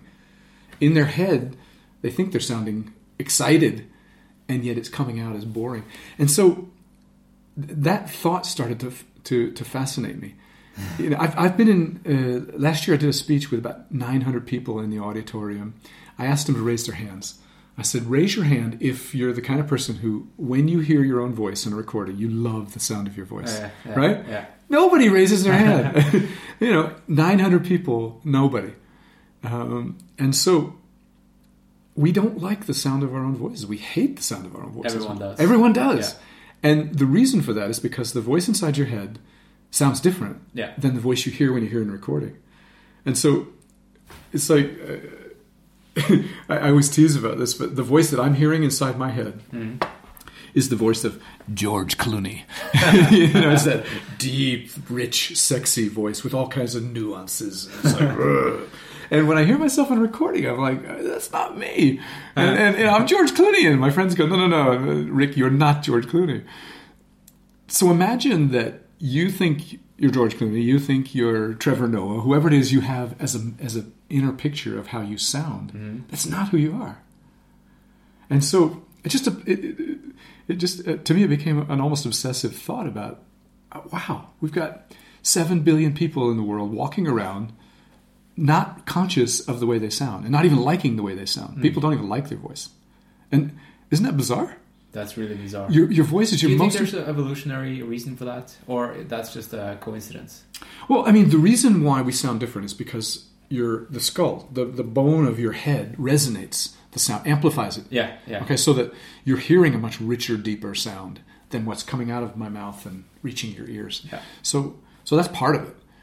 Is it evolutionary? Is it? Is, yeah, I think so because it's the mechanics of the way the head works. But Yeah. um, yeah, I was just thinking maybe there's a reason why you uh, you feel like you you sound like someone else, yeah. but never mind. Uh, No, but it's, it's but it's really fascinating. It's almost universal. We don't is. like the sound of our voices, and it gets worse because not only do we not like our voices, um, a lot of people are terrified of their voice. They're what do you think that is? well, one of the reasons is because when you get up to speak, especially when you get up in front of an audience to speak, they're going to judge you very quickly. And they're going to judge you by your voice. That's one of the primary indicators when we start to judge someone. Hmm. Obviously, the way they look, the way they walk up onto the stage and nod their head as, and get ready to go. But as soon as they start to talk, long before the words start to make sense and give us a basis for judgment, it's the sound of the voice. And that's how we judge emotions. Hmm. You know, you all, you know, we all know what it's like. If somebody gets up and they're nervous, don't we hear it? Oh yeah, Yeah. If somebody gets up and they're a little uncertain of their numbers, don't we hear that? yes, If somebody is terrified, if somebody is emotional, sad, happy, joyful, if someone's reading a script, yeah, yeah, don't you hear it right away? yeah, So it's kind of like we're naked. Our voices unclothe us. And so it's just becoming aware of that. And it's, it's funny that I've done all this work, uh, and the app is, is part of that, but I do a lot of workshops and things like that. And what I do is I try to help people first just become more conscious of their own voices. You're, go- you're going into the podcast world now, so oh yeah, You know. yeah. I've been you know dur- during my editing, Mm-hmm. I've been listening to my own voice a lot, and um, I wouldn't say I like my voice, but I've gotten comfortable yeah. with hearing it or So the- used to it. So the first step is to just become more conscious of your voice. Yeah, The the second step that I take people through in my workshops, you have to come to one of my workshops. Not yeah. I'll send you a ticket. All right. Um, the second thing that I do is that once people have become more com- more conscious of their own voice and voices of others, it's, it's it's not just your own, but listening to other people. Then the second point, the second step is to start to realize that you have choices. You can make really. First off, you have a choice in how you use your voice. Okay, so there's like a rough recipe. Well, yeah. I mean, most people they come to me and they say, "Well, I'm just I don't want to work on my voice because I'm stuck with the voice I have. I can't do anything about it." Most people come to me with that limiting belief right away. Okay. and it's wrong. It's totally wrong. What can you do? I mean, how different can you sound? Sound, and, and how do you? We all have, it? we all have lots of voices, and the, the problem is is that sometimes we go into one setting And rather than using a voice that supports the message, we end up using a voice that takes away from or conflicts with the, the, the message. All right? Yeah. So the key is to make sure that you're choosing the voice, your one of your voices, that matches the emotion or matches whatever it is you're trying to say. I can give you an example. Um, in my workshops, we learn five voices. And I got this from a brilliant author named Barbara McAfee who Okay. came up with this. And she called she, she's allocated uh, an element to each of the voices. And a lot of times when I go through this in a workshop, people go, "Oh my God!" They, they it, it dawns on them that we do have many voices and we can choose which ones we want. The the first voice is the voice of Earth. Okay, Earth is the deepest voice. The voice of Earth. The voice, Earth. Okay, we use the we use element. We're going to talk about Earth, fire, wind. Okay. Um, okay. Um, Earth is your deepest, most grounded voice. Now I'm going to de- I'm going to use my voice this way so that you hear it. I'm not being weird. I'm just demonstrating. Yeah. Okay. This is my deepest voice. It's the deepest voice that I'm comfortable using. you're it's- serious. I'm very serious. It's my voice of authority. It's the voice of that was really a good pancake. Yeah. no doubt in my mind. It's the voice you use when you say to people, uh, you, you might say to your team, we have to improve or we're bankrupt. You know, it- Okay. if we want our jobs, we've got to find a way through this. It's the complete voice of authority. There's no, there's no yelling and screaming in that voice. It's the voice you use when you're talking to a teenager and you say, you know, you're, you're going out drinking tonight. Be careful. Mm-hmm. Make good choices. I don't care what you do, just make good choices. It's your deepest voice. Okay, so we drop it down to the lowest register. It's not a loud voice. You can't shout at the lowest part of your, your voice, but it's solid, grounded. So that's earth. Yeah. That's Darth Vader. Luke, I am your father. okay, this is the deepest voice you have. And whether you're a man, woman, whether you're, uh, uh, what's his name, Hareide, the leader for Kristelig Folkeparti. Oh, yeah, yeah. You know, he's got a really, really high voice He's for a stuck male. in one of those uh, elements. he's very up there, but even he has a range. And if he wants to show authority, he's got to drop to the bottom part of whatever he's comfortable using. Yeah. He even he can choose that. so there are subsets of all those. Yeah, yeah. It's Yeah. it's it's relative to what your voice uses. Yeah. The second is the voice of fire. Fire is a little higher up in the chest. Fire is Martin Luther King saying, I've been to the mountaintop. I won't make it with you. It's the inspiring. It's the inspiring. And it's not authority, which is deep and, and grounded. It's fire. It's fiery. It's when you're saying, don't fuck with me. Don't, you know, just uh, listen to me. This is really important, guys. We've got to, we've got to do something about this. It's that insistent voice of absolute fire. Martin Luther King, so many, uh, it's Adele, the singer, you know, she's kind of like that. It's got that kind Yeah. of fiery edge to it. Okay? So we all. She's got the, the song called Fire. Oh, that's right. That's right. That's right. Yeah. so, so, so fire is the voice you choose when there's an intensity behind it. Yeah. There's an emo- There's a really intense emotion behind it. It's not anger, although it could be, but it's it's it's just that insistence, urgency, a sense of urgency.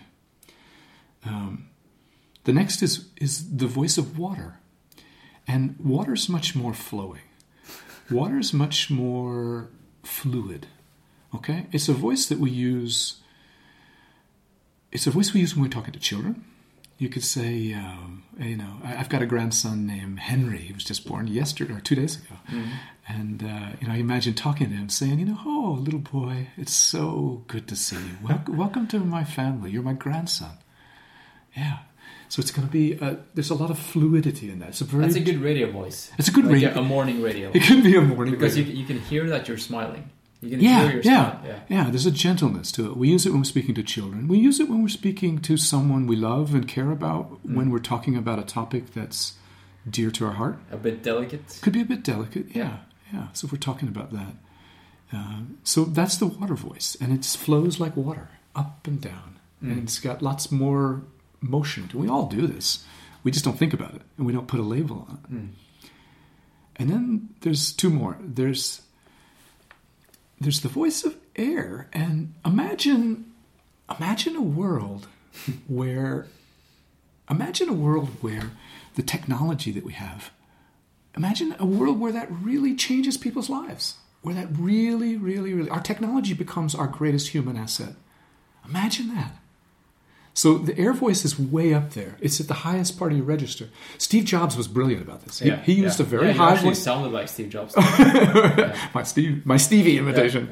But it's a, it's the voice of we call it air. It's the voice of vision, imagination. right. Yeah. Picture a world where picture America with no guns. Mm-hmm. You know, you, you, you wouldn't say picture America with no guns. That just wouldn't. It, it's it's an imaginary. I know one guy who would. let's not please let's not go there. So so air is a great voice for vision. For when you've got a group of people and you're trying to paint a picture of something that either is not there or something that's imaginary or something you're trying to get the group to aspire towards, use your air voice. Okay? So we've got earth, we've got fire, we've got water, and we've got air. You know, mm-hmm. so you've got four different voices you can use. So, so the thing about it is to, to realize that you have choices. All of us have choices, and so when you're when you're delivering a message, I mean, most of the time, who cares about your voice? I mean, really.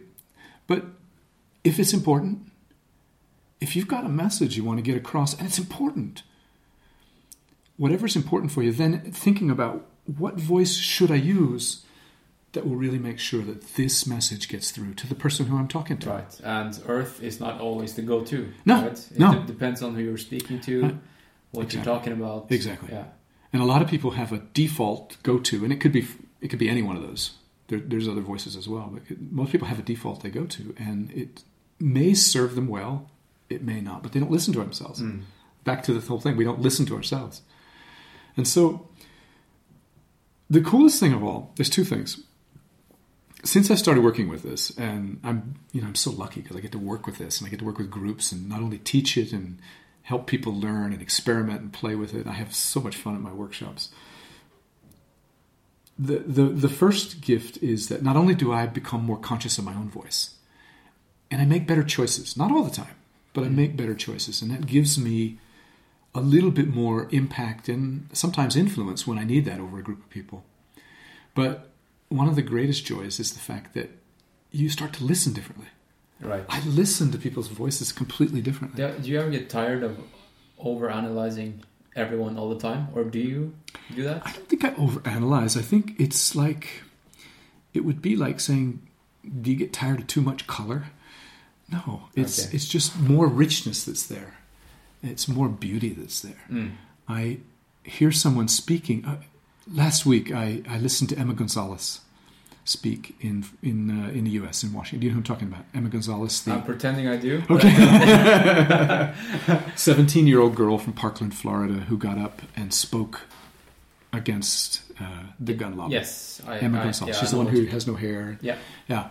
And she got up and delivered an absolutely amazing speech. And the words were amazing. Mm-hmm.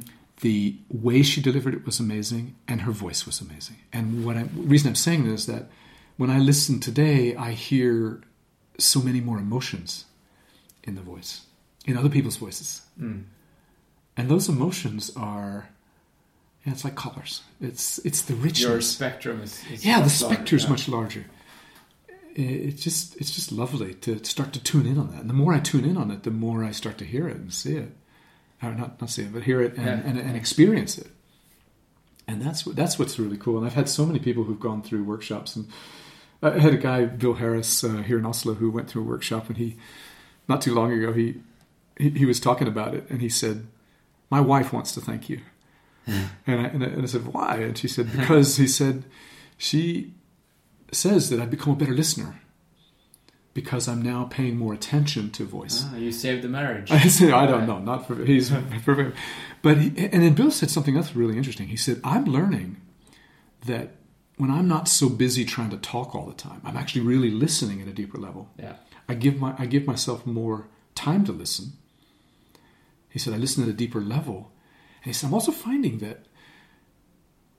And Bill's a big talker. He's a great guy. He's a big talker. So I'm finding that if I give people more space, that's where the really interesting things come. Mm.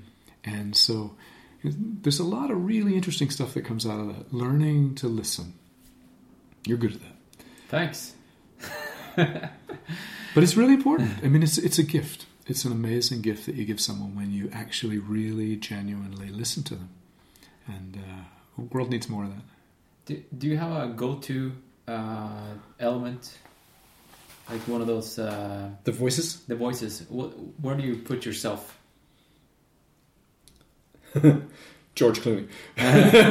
no, um, I do. I tend to use the water voice a lot. I, I put a lot of life in my voice. Yeah. I like a lot, uh, and it, it's not that I put a lot. I like to speak, and I like having conversations with people where I feel like we we go deep. But most people are in the water segment, right? No, I they're not always serious. They're not always uh, questioning. They're I- I kind think- of like. I think in- most people are actually in no man's land. Okay. most people are and again we're, we're talking about human beings we're talking about a very complicated behavior so Irrational. yeah, yeah i mean i can't talk about most situations but let's talk about business situations when people get up in front of a group into business what i hear more than more than not what i hear most of the time is people who go into basically drone mode very flat Yeah. very kind of boring, kind of monotonous, especially here in uh, in the Nordics. Norway, Norway, Sweden, Finland. The Finns are even worse. I am uh, I am Pekka from uh, Finland, and, But don't you think? but they have a different they have a different way of speaking. Don't you think uh, you think that they sound like that because you're from the U.S.? I was thinking about this the other day. That you know, Russians, from my perspective, they sound very. Um, it's like that. You know, when you think about Russians, Mhm. what do you think? You think uh, I think it's, they sound serious, serious, yeah. strict, yeah. Strict, yeah. But do you think they look at themselves as serious and strict? Both yes and no. Yeah. I think you're right that that they may. If you live in a culture where everyone else is that way, Yeah. What was there's It's, a, it's there's all a, relative. There's a saying from card playing that in the land of the blind, the one-eyed jack is king. If that makes sense, yes, the whole point kind of does. kind of does. The whole point here being that if you live in a country where everybody speaks monotone, even just a little life in your voice will make you extraordinary. Right. And so you're probably right. I, I've I've done a lot of work in Finland this last year, working with Finnish entrepreneurs and investors, Yeah. and, and I love the Finns. I mean, they're beautiful people. They know how to listen. They know how to put silence or allow Well, that's because they grew up in a sauna. yeah, yeah, yeah, yeah. No, but they have an amazing tolerance for silence. You can be in a meeting, and then all of a sudden it can go silent. And the Americans are just, what's wrong? They get stressed. They get stressed. Yeah. But the Finns are not. No, they're thinking. It's, it's, it's Yeah. fine. They have an incredible tolerance for silence, and so, um, so you're right. There are some cultural differences. But here, back to something I said earlier about how the rules have changed. YouTube, Mm-hmm. you know, TED talks. Uh, almost every day, all of us are exposed to people speaking English, people holding speeches, and we expect different things today than we did from from uh, politicians and speakers even just 15 years ago. Oh yeah. Kjell Magne Bondevik was a classic Norwegian uh, prime minister, and Bondevik, brilliant man, great leader. But when he spoke English, he was so boring. Mm. It was, I am Kjell Magne Bondevik, and I'm from Norway, and uh, we Norwegians. Uh, you know, he, he spoke monotone. It sounded, I'd be really mean. It, it, it I'm surprised you didn't talk about Jagland. I mean, see, Jagland's different. Jagland, Well, he just doesn't he just English. his English is poor. Yeah, yeah. But but see, that's what's interesting is that your English doesn't have to be good. Um, have you seen the videos or the YouTube videos with uh, or TED talks even with Hans Rosling, the Yes, I have. the statistician Yeah. from Sweden? He just He just died, He just died. Yeah. Yeah. really terrible, really sad. He was such a, he was amazing. His English was terrible. Yeah. but who cared? He had such enthusiasm and dynamism Mm. and life in him that he could be talking about anything and it'd, it'd be interesting. He had he had that ability to get excited, and that's what I'm talking about. Is I think most people default to this drone kind of boring, without realizing that's what they're doing. And the world doesn't tolerate that today. No. Your podcast listeners are not going to tune in and stay with you if it's boring. Unless you've got amazing information that they can't get anywhere else, and then they'll put through it. Well, that's through it. kind of the trick here. Is that I tell the podcast or the listener that you should be listening to this while you're running, which means if it gets boring, you're too cold on your hands to start fiddling with neck the next button. You're just gonna keep it on your ears. no, yeah, but I I think there's a, a bigger tolerance for for boredom in uh, in podcasting mm-hmm. than, for example, radio, because then you're you you got the song, mm-hmm. you got two minutes of talking, mm-hmm. and then there's no room for for silence, right? So I don't think there's there should be tolerance for boring, No, but no. there can be place for for silence and Yeah. contemplation. Yeah, absolutely. yeah. And um, I think you can hear contemplation. absolutely. Yeah. There's all this amazing research that I've, I've been looking into, and uh, one of these days I'll, I'll finish writing a book. I've been writing on a book for four years, so one of these days I'm gonna have to finish it. Fiction, non-fiction. No, no, no. I'm talking about the voice. Oh, yeah. but but it's so interesting that we we we express emotions with our voice much more so than our face and our words we express it with our voice that's how we determine emotion and not all emotions the, the emotions of um, happiness the emotions of surprise and the emotion of embarrassment those three according to s- several different science studies they've done those three emotions are primarily the face you know, when somebody gets embarrassed, we see their they get red, they blush. Yeah. When someone's surprised, we see it on their face before we hear it in their voice. But for all the other emotions, uh, anger, sadness, concern, uh, disgust, all of those emotions, core human emotions, we um, we hear them in the voice, and according to the science, that's the primary indicator is the voice. And so, therefore, in a podcast, you have such a you have such a great format for really being able to reach out to people because we're not being distracted by the visual. Yeah. We've got a chance to really get inside. So it's, it's a fantastic medium, and uh, well done you for for starting a podcast. Oh, thanks. And and you know, I, I I really wish you well on this podcast, and I think you're gonna you're gonna do really well, especially when you're such a good listener. Well, thanks. So, what's next for you? What What are you? Uh... A big bite of your incredible pancake. Are you? Uh, are you? Uh, you're writing a book. You got this app. Are you still doing uh, workshops? I mean, I'm You're busy. trying to stay busy. Yeah. The I'm working on the app. We're trying to make it more usable because the the minimum viable product that we released in October was it's okay, but it's not what we want to do. It's not as helpful. as Really becoming a training tool for speakers. So we're working on that. I have a business partner named Stuart and Stuart Clark, and he's brilliant. And he's got some amazing stuff he's put together, technologies. We're going to be integrating with the iWatch so that if you're talking too quickly, your iWatch will tap you with the haptics. If, if you're talking too much monotone, that it'll also tap you. In other words, you're just being boring. And if that's what you want to be notified about while you're holding a speech, Oh yeah, while you're holding a Yeah. speech, not just uh, not just anytime, no, okay. while you're holding a speech, only when you ask it to. Um, but uh, you know what's next is interesting. Uh, the one of the cool things about life is that we evolve, we change, and hopefully, if we're conscious human beings, we evolve quickly. We change quickly, Yeah. right? And I guarantee that what I'm working on today is not what I'm going to be working on next year. Even if you set a goal. Even, Or- well, goals are there to drive us forward, but goals are not there to keep us stuck in something. And when you're growing, you know, especially at your age, you're you're younger. You, you I'm an old man. Uh, you know, when you're younger, you're exploring. Your job is to explore. Your job is not necessarily to get stuck on one thing, to find the one thing. I know that. How old are you? You're 29. 29. 20, oh, spot on. But uh, you know, at 29, you're doing a lot of thinking about who am I Yes. and you're you're you're trying on. It's like going to the store and going to the coat rack, and it's trying on like forty different coats. And eventually, you'll find one that's like, "Whoa, this just feels awesome." Yeah, I think I found. I think Yeah. I found my coat. You found your coat. Yeah, great. yeah. And ten years from now, if you're still wearing that same coat, I'm going to tell you, "Hey, bud." Listen, you got to get a new coat. we get it. That's your your your iconic uh, coat, but at the same time, it's time for you to think about it. So we need to change, and it's, I think it's a really healthy thing to do. Um, so what's interesting is that I've started working with corporate groups. I started working with entrepreneurs. I started working in very much in a business setting, and while I still do that, and I still love that, what I found is that more and more people are working with their voice, and yet what we've got to work on is not just how they speak, but what do they need to say. And so, what I'm working on right now is not a business set of workshops, but a weekend set of workshops for people doing personal development. Okay.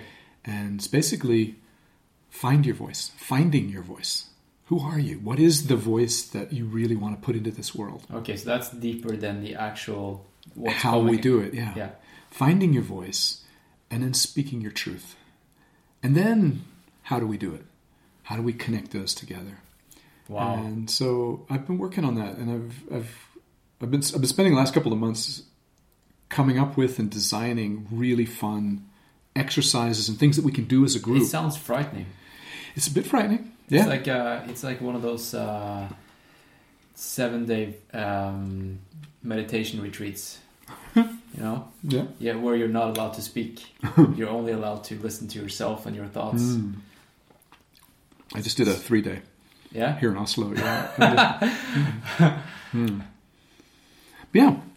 There are things that are challenging, and three days without speaking is really it's it's harder than you'd think. Three days of sitting still. Oh yeah. Three days of not looking another human being in the eyes, not being distracted by anything. No phones. No phones, nothing electronic, no no books, nothing. You are sitting, looking inward for three days straight. Yeah, that's that's pretty hardcore. Yeah. And it's not at the same time. Like we were talking about fasting earlier. Yeah. Fasting sounds really hardcore. It's really not. It's easier than you'd think.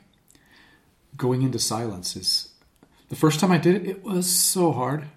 You've done it before. Yeah. First time I did it, it was so hard. I just, I fidgeted. I could not get, I, did, I just struggled with it. And inside my head, there was this massive dialogue going on, you know. Why the hell are you here, Rick? You know, get up, leave, uh, go do something else. No, think about something else. No, you know, you had that, just like running a marathon. You know, you get to, to you, you get two thirds of the race out there, it becomes a mental race. Yeah. And so, and then what are you doing in your brain? You're trying to, half of your brain's trying to talk you into giving up, and the other half is trying to talk you into sticking with it. And that's really interesting when you start to observe that. Yeah. And when you can step back and watch that.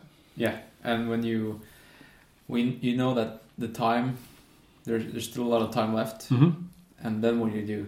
Because you're hungry or Mm-hmm. you don't want to do it anymore. That's when it get- it gets. That's what's interesting. interesting. Yeah. And that's the most interesting thing about ultra marathoning. It's the most interesting thing about anything that's extreme like that. Hmm.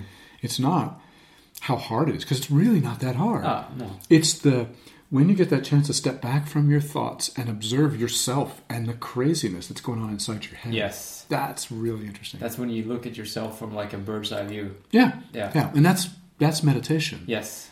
And that's what's an amazing process. And um, so, uh, so you said this workshop is like that. Yeah, I mean, I think ultimately what I want people to do is step back and really think about who am I and what is my voice? Mm. What do I want my voice to be? And then encourage people to go out and do podcasts and do. Have, have you had any people? Have, have you done this? No, no, I'm just I'm just designing it right Okay, now. Okay. probably sometime in the next couple months I'll announce it and put something up and make it a weekend and yeah, I'll invite you. you ah, to well, yeah, I'm not sure. Maybe, maybe I'll bring my microphone. What's um, what, what's the scary part about it? What would be scary? No, I, I don't think I'm scared. It just Mm-hmm. sounds like something someone or people would be scared of. Mm. Like really, let's say let's say you're 50 years old Mm. and you you suddenly through this workshop find yourself. Yeah, Doesn't that sound frightening? sounds beautiful. But yeah, I maybe guess, it's maybe I guess it does, but right there, right. there and then, it's probably uh, very. You know what I think? I think frightens people even more is what if I do a workshop like that and I don't find myself? Yeah. That's what scares them, Yeah. and that's enough to stay home. Jeez. Yeah. It's like if you actually go into a workshop and you actually get clarity on this is what I'm going to do, and maybe it's only for the next 12 months, maybe it's only for the next week, but this is something I'm going to do, I'm going to stand for. I want people around me to know that, you know, that's a border, that's a boundary that I will not cross. This is where I draw the line. This is where Rick Salmon stops and says, no, I won't accept. On the other side of that line, I will not accept that. This is what I stand for. Yeah. And I think that that's a really healthy thing to do. And it's a lot of fun. I mean, it's a, but yeah, it's a bit scary. So through all this, uh, uh, let, let's call it pitching, or you're traveling around the world, you're talking about your, your business, this and uh, do you ever get tired of explaining what it does? Because I see you on Facebook doing live events. You're talking about you're you're really passionate, again and again and again. I saw you at uh, my company or where I, I worked. Mm-hmm. You're pitching it to different people, uh, and it's it's the same message with different words every time, and it's got to be extremely demanding. Why? Is it- Why? Why would you think it's demanding? Uh, I don't know. That's I guess that's my question. Is it Mhm. doing it again and again and again? And that's like that's. I guess that's what Why- all why- entrepreneurs and, and Uh, Why? do. Why? Don't you find it a bit boring to just run? Yes, but that's What- what, what- like let's talk about about let's talk about comp- competition because running is one thing. I mean, it's practicing and Yeah. training and preparing yourself. But do you get do you do you get bored of comp- competing? Do you, is it, No, is it, no. Why not? I don't know. What is it waking up in you? there? There's a primal thing. Right. think, yeah. What is that primal thing? You can't explain it. Okay. Uh, Try though. I've tried so many times. I, I can't. It's uh, what happens to you when you're? It's like what's driving you to that? There's like this unexplainable fire. I think. Hmm. Yeah. It's that like, unexplainable I- I fire. need- It's just it's just in you. it's just in you. And when you're when you're competing, are you more in touch with that fire? Oh yeah. Yeah. Yeah. And the closer you get to competition, the more the closer you get. Yeah. Yeah. Yeah. So, does that ever get tiring? Being close to that fire? No. No, it won't ever either. As long as it's that. If it becomes about I got to win, if it comes I got I've got to prove something to other people, then you'll burn out, or at least you'll get to a point where you may not want to do it anymore. But as long as it's about that fire, whatever that is, you'll, you'll never get tired of it. I don't. I'll never get tired about talking about life and people and and what's important for us. I'm Like, sure, well, I'll die one of these days, but I will go to my grave going, there's just one more thing we need to think about. But, but, I mean, there's nothing more beautiful here in life than figuring out what that fire is for you today. That- It doesn't have to be, I'm going to save the world. It could be, I'm going to, I'm going to learn how to make an amazing walnut, blueberry, whole wheat, healthy pancake. Yeah. You know, and I'm, I'm going to figure this out. And I'm like, it's kind of like that's kind of why I like Tim Ferriss. He's got that attitude about I'm going to try to master all these different things. And I'm not like him. I and by the way, I, I would make a mess out of a pancake. You're a master compared to me. But but that thing about tapping into that fire. So whenever I get a chance to talk, and you invited me, you said, Rick, would you come for a podcast? And I was like, yeah. And I said, what do you want to talk about? And you said, well, I don't know, let's just talk. And I was like, okay. because that's what, that's my fire. Yeah. Is it when we get a chance to really connect like you and I are doing, Right. like you and I've done.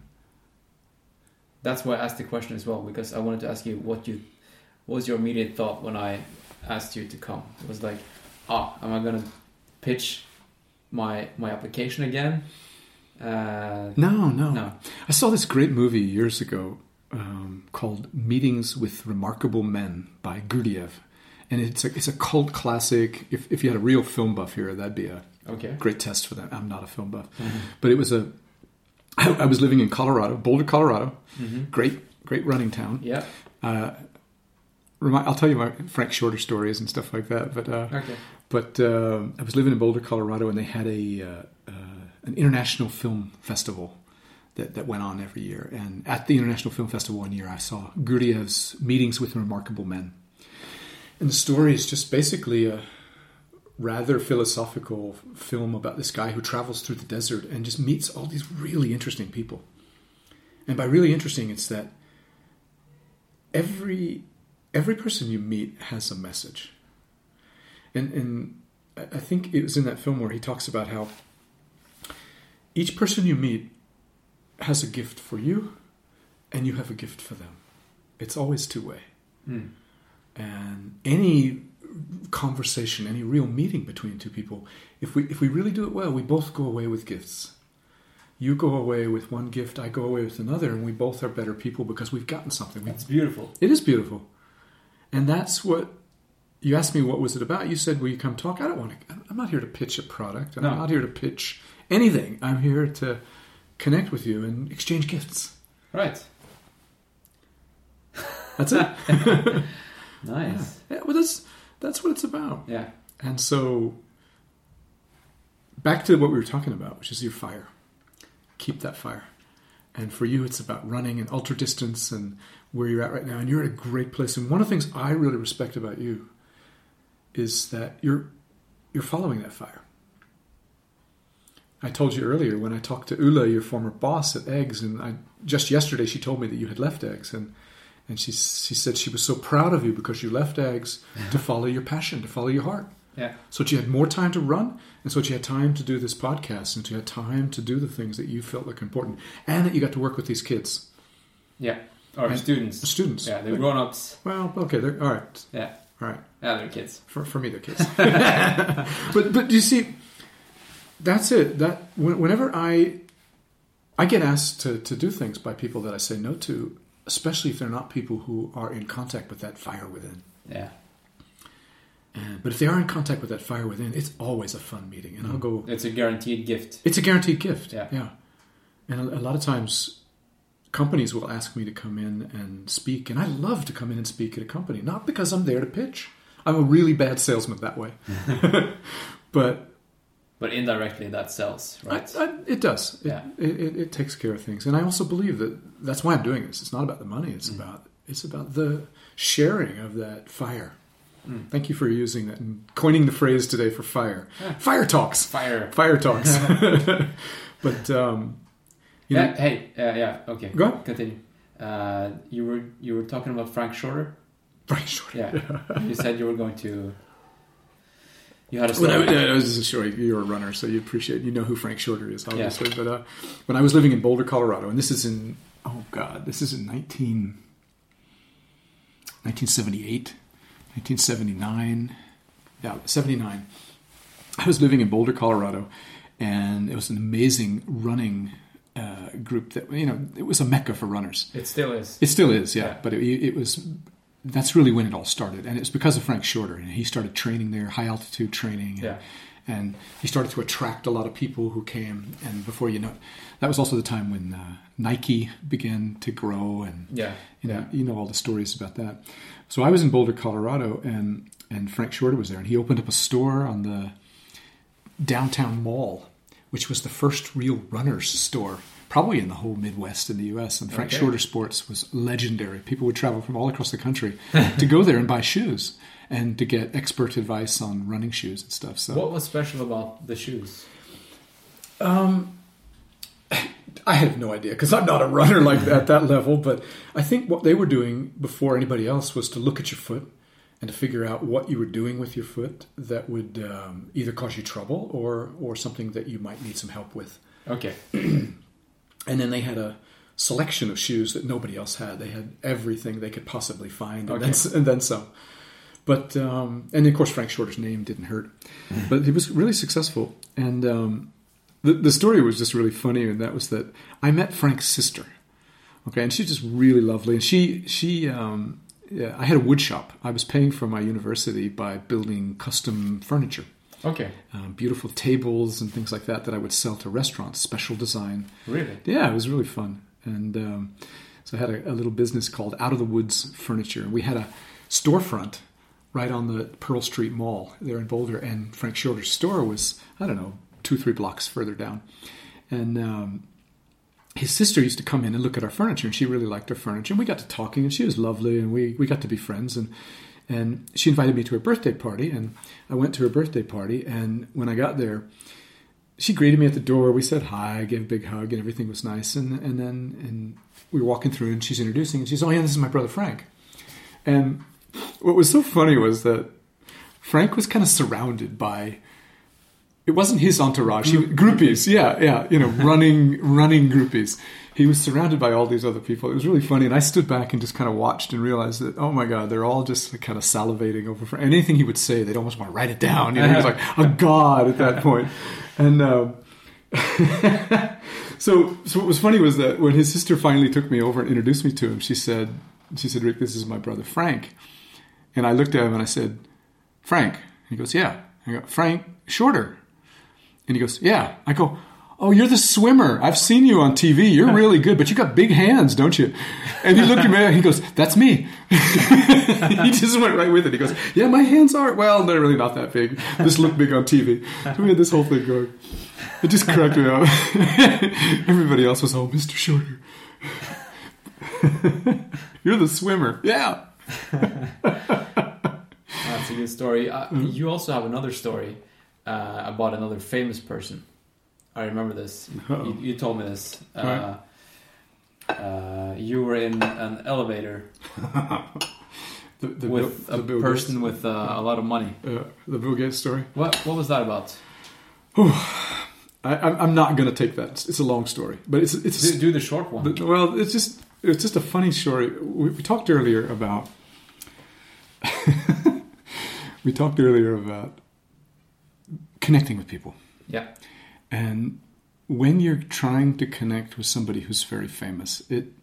But the worst thing you can do is go up and just start to pitch or, or whatever, you know. So you you gotta use your imagination, and that's what that story's about. Maybe maybe it relates to the Frank Shorter story as well, because I I met Bill Gates, um, and it, it's a long story. And I, I I tell the story in my workshops, and it takes me 35 minutes. I've time. I've said told Okay, it, I've okay. told it so many times. Okay. It takes 35 minutes because it's a lot of parts of that big story that build up with lots of really good points for entrepreneurs. Okay. I won't give you that, Okay. but but the whole point was that I got onto an elevator with Bill Gates, and I said something.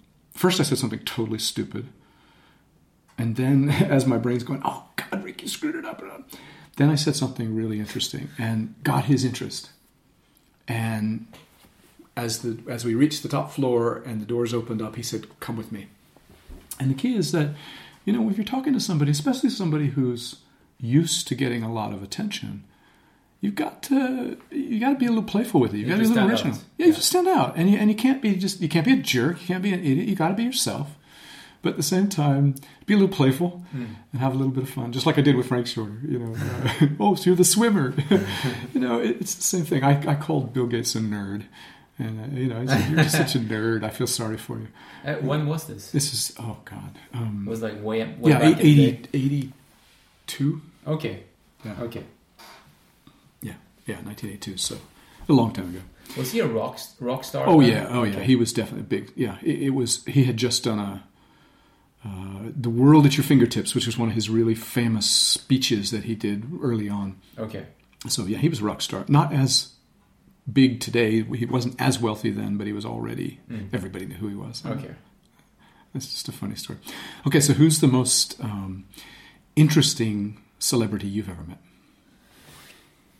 Interesting celebrity, not the biggest celebrity, but the, okay, it can be the biggest, but sometimes the biggest are kind of boring.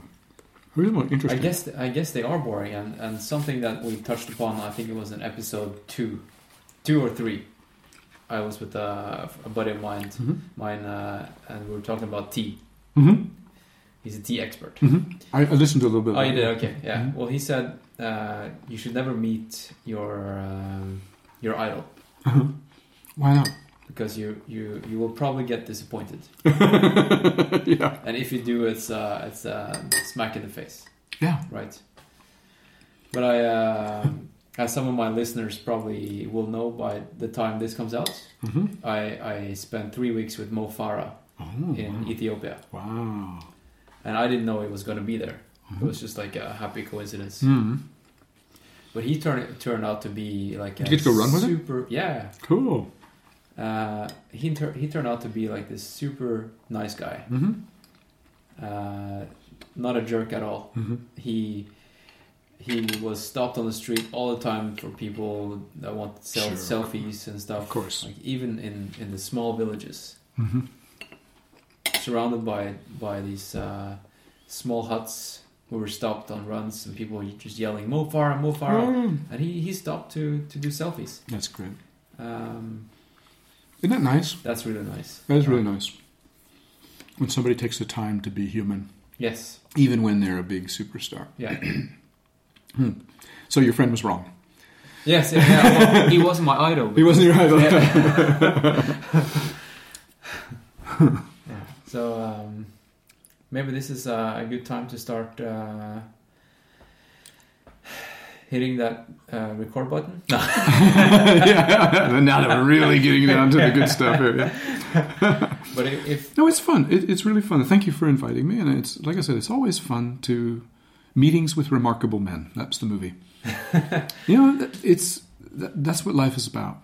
The most amazing moments in life are when we get to meet incredible people, and, and, and sometimes it's fun to just shoot the shit and talk stupid, and you know that's fine. I love that.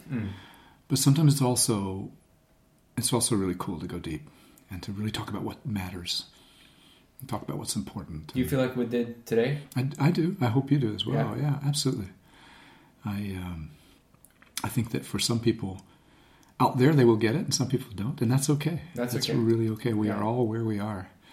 And uh, but uh, for all of your listeners, I was thinking about your listeners uh, out there, and you know, I'm sure there's a lot of ultra marathoners and amazingly driven people, Yes. people who are willing to sacrifice to to to to, to reach a goal, and that's a great group of people. That's an amazing group of people, and I'm sure there's a lot of people who listen as well who are interested but haven't quite taken that leap into it. So uh, it's going to be fun to watch you and follow your podcast and see how you do. And because I think what you're doing is challenging people to be the best version of themselves, no matter what it is they're interested in. As long as you keep doing that, Hans Christian, you're in good shape, and you're carrying the fire. You're carrying the torch. Wow, that's a big responsibility. It is. Yeah. It is. Yeah. But you're. It's in good hands. Should that be the last words? Yeah. I think that's a good one. Yeah. I think we'll leave it at that. Let's But thank you again. that. I really, really enjoyed. Thank it. Thank you you for for- the food. Thank you for showing up and for uh, all these lovely words and these um, yeah one hour, this these two hours of your time. It's been It's my been pleasure. amazing. My pleasure. We'll do it again sometime. Let's do it again. Absolutely. Fett. Eh, ja, da er, vi, da er utroen i gang. Ja. Og du, Bjørnar, du sprang jo forrige helg såkalte KRS Ultra 60 km i Kristiansand. Stemmer. Kan du gi meg en liten eh, Kanskje et terningkast og Jeg vet ikke, en, eh, en liten race report? Hvis du hvis du har tid? Bare det. Ja. Um, terningkast det må bli høyt, altså. Vi er i hvert fall på en femmer. ja. Og Det er bra. Det, Det er flere Det er kanskje en sekser, da, så jeg må tenke meg litt om. Det som var veldig gøy, var jo at uh, det var veldig mange fra Skyblazers som gjorde det bra. Jeg syns Ja. det var kjempemoro at Erika vant uh, kvinneklassen. Hun har jo trent masse over lang tid, og moro at det gir litt resultater. ja. Det var, det var helt sjukt fett. Og for dem som ikke vet, så er Skyblazers våres, eh, våres løpecrew. Ja. Ja.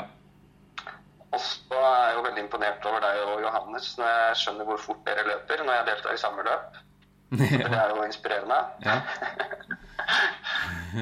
Og så for egen del var det veldig gøy å lykkes litt bedre i år. I fjor så stivna jeg halvveis og gikk i seks timer. ja. Så årets første mål var jo liksom klare å løpe hele løpet, og det gikk bra. Eh, så det var jeg veldig fornøyd med, og klarte å lure meg inn blant topp ti. Så det var veldig moro. Det er sjukt imponert. Det, var, det, var, det er faktisk en av de, de kuleste prestasjonene på overall, syns jeg. Du og, du og Erika. Ja. Du forbedra deg med tre timer fra i fjor. Fra i fjor.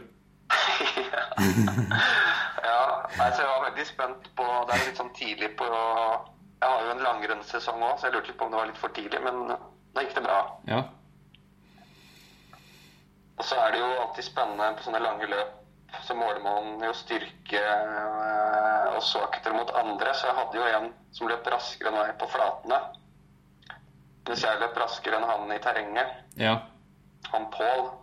Så han tok meg alltid igjen når vi kom ut på flatene. Så han pressa meg noe voldsomt. Men siste runden så klarte jeg å holde unna på flaten nå, da, så vidt. Så det, For det var, det var, tre, det var tre ganger 20 km, sant? ja. Ja. Ja, men det er, jo, det, er jo, det er jo kult, eh, det å liksom se sine styrker og, og egentlig bare la folk som er bedre enn deg på, på enkelte områder, bare kjøre på der de er flinke, og så vet du at du kan ta dem igjen der du er flink. Mm. Det er kult.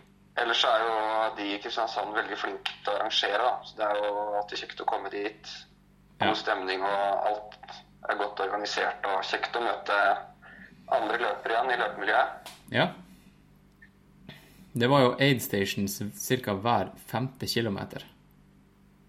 Ja, det var luksus. Det var luksus. Det er, løpe, det er løpe sjelden kost. Uten løpevest. Mm. Ja, Og det så er fett. appelsin på uh, den ene matstasjonen, og det syns jeg er digg, da.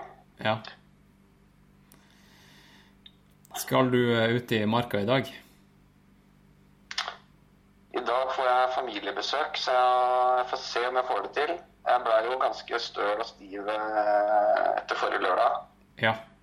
Og det kan være litt fordi jeg prøver å forbedre teknikken min nå, så jeg begynte å løpe litt annerledes.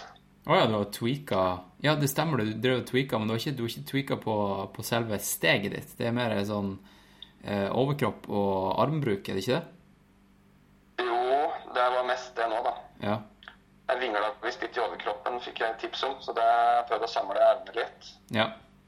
Um, og så løp jeg med nye sko med litt sånne sokker som skapte litt sånn trøbbel. Så Men jeg løp i går, da, så det gikk bra. Så jeg er i gang igjen. ja. Nei, men det er bra å høre. Det kan, jo- du må være forsiktig med, med å starte på den etter sånne race, for det, det tar mer på enn man tror. Ja, jeg tenkte jeg skulle være litt forsiktig nå. Det kommer flere løp. Hva er neste racet ditt? Det er X-Raid eh, Jotunheimen i slutten av juni. Fett. Det er jeg veldig spent på. Jeg møtte jo mange i Kristiansand som skulle være med også. Ja. Du har god tid, da. Ja, Ja, så det er ikke vits å stresse. det blir bra. Jeg var, jeg var, ute, jeg var ute i går i, eh, og herja på, på framsida av Grefsenkollen. Det Ja, var, det var fan, fint. fantastisk, for det, det var jo solvær også. Ja. Og, og bar sti, så det, det var nice. Ja, Det er mye å glede seg til framover med tanke på stiløping. Ja, ja. Du, eh, jeg kunne tenke meg å ha en hel episode med deg. Ja, Ikke bare en sånn her eh, intro og utro. Jeg kunne tenke meg å, å, å snakke om, eh, om race. Race man kan gjøre i Norge. Ja. For du, du, er jo, du er jo egentlig den største eksperten på, på hvordan race man kan gjøre. Og hvordan race som er verdt å, å race i Norge. jeg vet ikke Jeg har fått prøvd å lage en oversikt over terrengløp jeg ser som virker ålreit. Og, og deltatt i mange av de også. Ja, fordi du har ei ganske kjent eh, nettside som heter Sidespor.net. sidespor.net. Det, det fete domenenavnet der, ass. .net er det få som bruker for tida, men eh, du husker det. Dem som, dem som har .net, du husker det. Ja. Det er noen modelljernbaneentusiaster som har sneket seg til .no foreløpig. Ja. Nei, men det er fett. Eh, vi, vi kan jo, eh, vi kan jo eh, prates eh, om løping i helga. Jeg skal i hvert fall ut eh, en tur både lørdag og søndag. Så, Ja. så da, da kan du jo bare slenge deg med hvis du er, hvis du er gira. Ja, jeg er gira. Så vi kan jo bare snakkes Ja. om det. ja. Så, så fett at du tok deg tid til å være med på, på det her, da. Så, så bare tar vi og ordner en eh, tidspunkt til eh, en ordentlig sit-down med, med ordentlig recording. Og da Ja, det blir nice. Bra. Så gleder jeg meg til å høre på Rick Salman. Ja. Eh, og så har jeg også faktisk eh, eh, videorecorda den seansen her. Oi. Eh, fordi jeg tenkte jeg skulle vise dem som støtter på Patrion, hvordan det ser ut når jeg sitter Ja. hjemme og ringer folk til introen. Ja. Ordentlig behind the scenes footage. Så det, det her blir nice. ja. Bra, da. Ja, OK. Men vi, vi snakkes da, Bjørnar. Det gjør vi. Ja. Takk for nå. Takk for nå. Ha det bra. Ha det bra.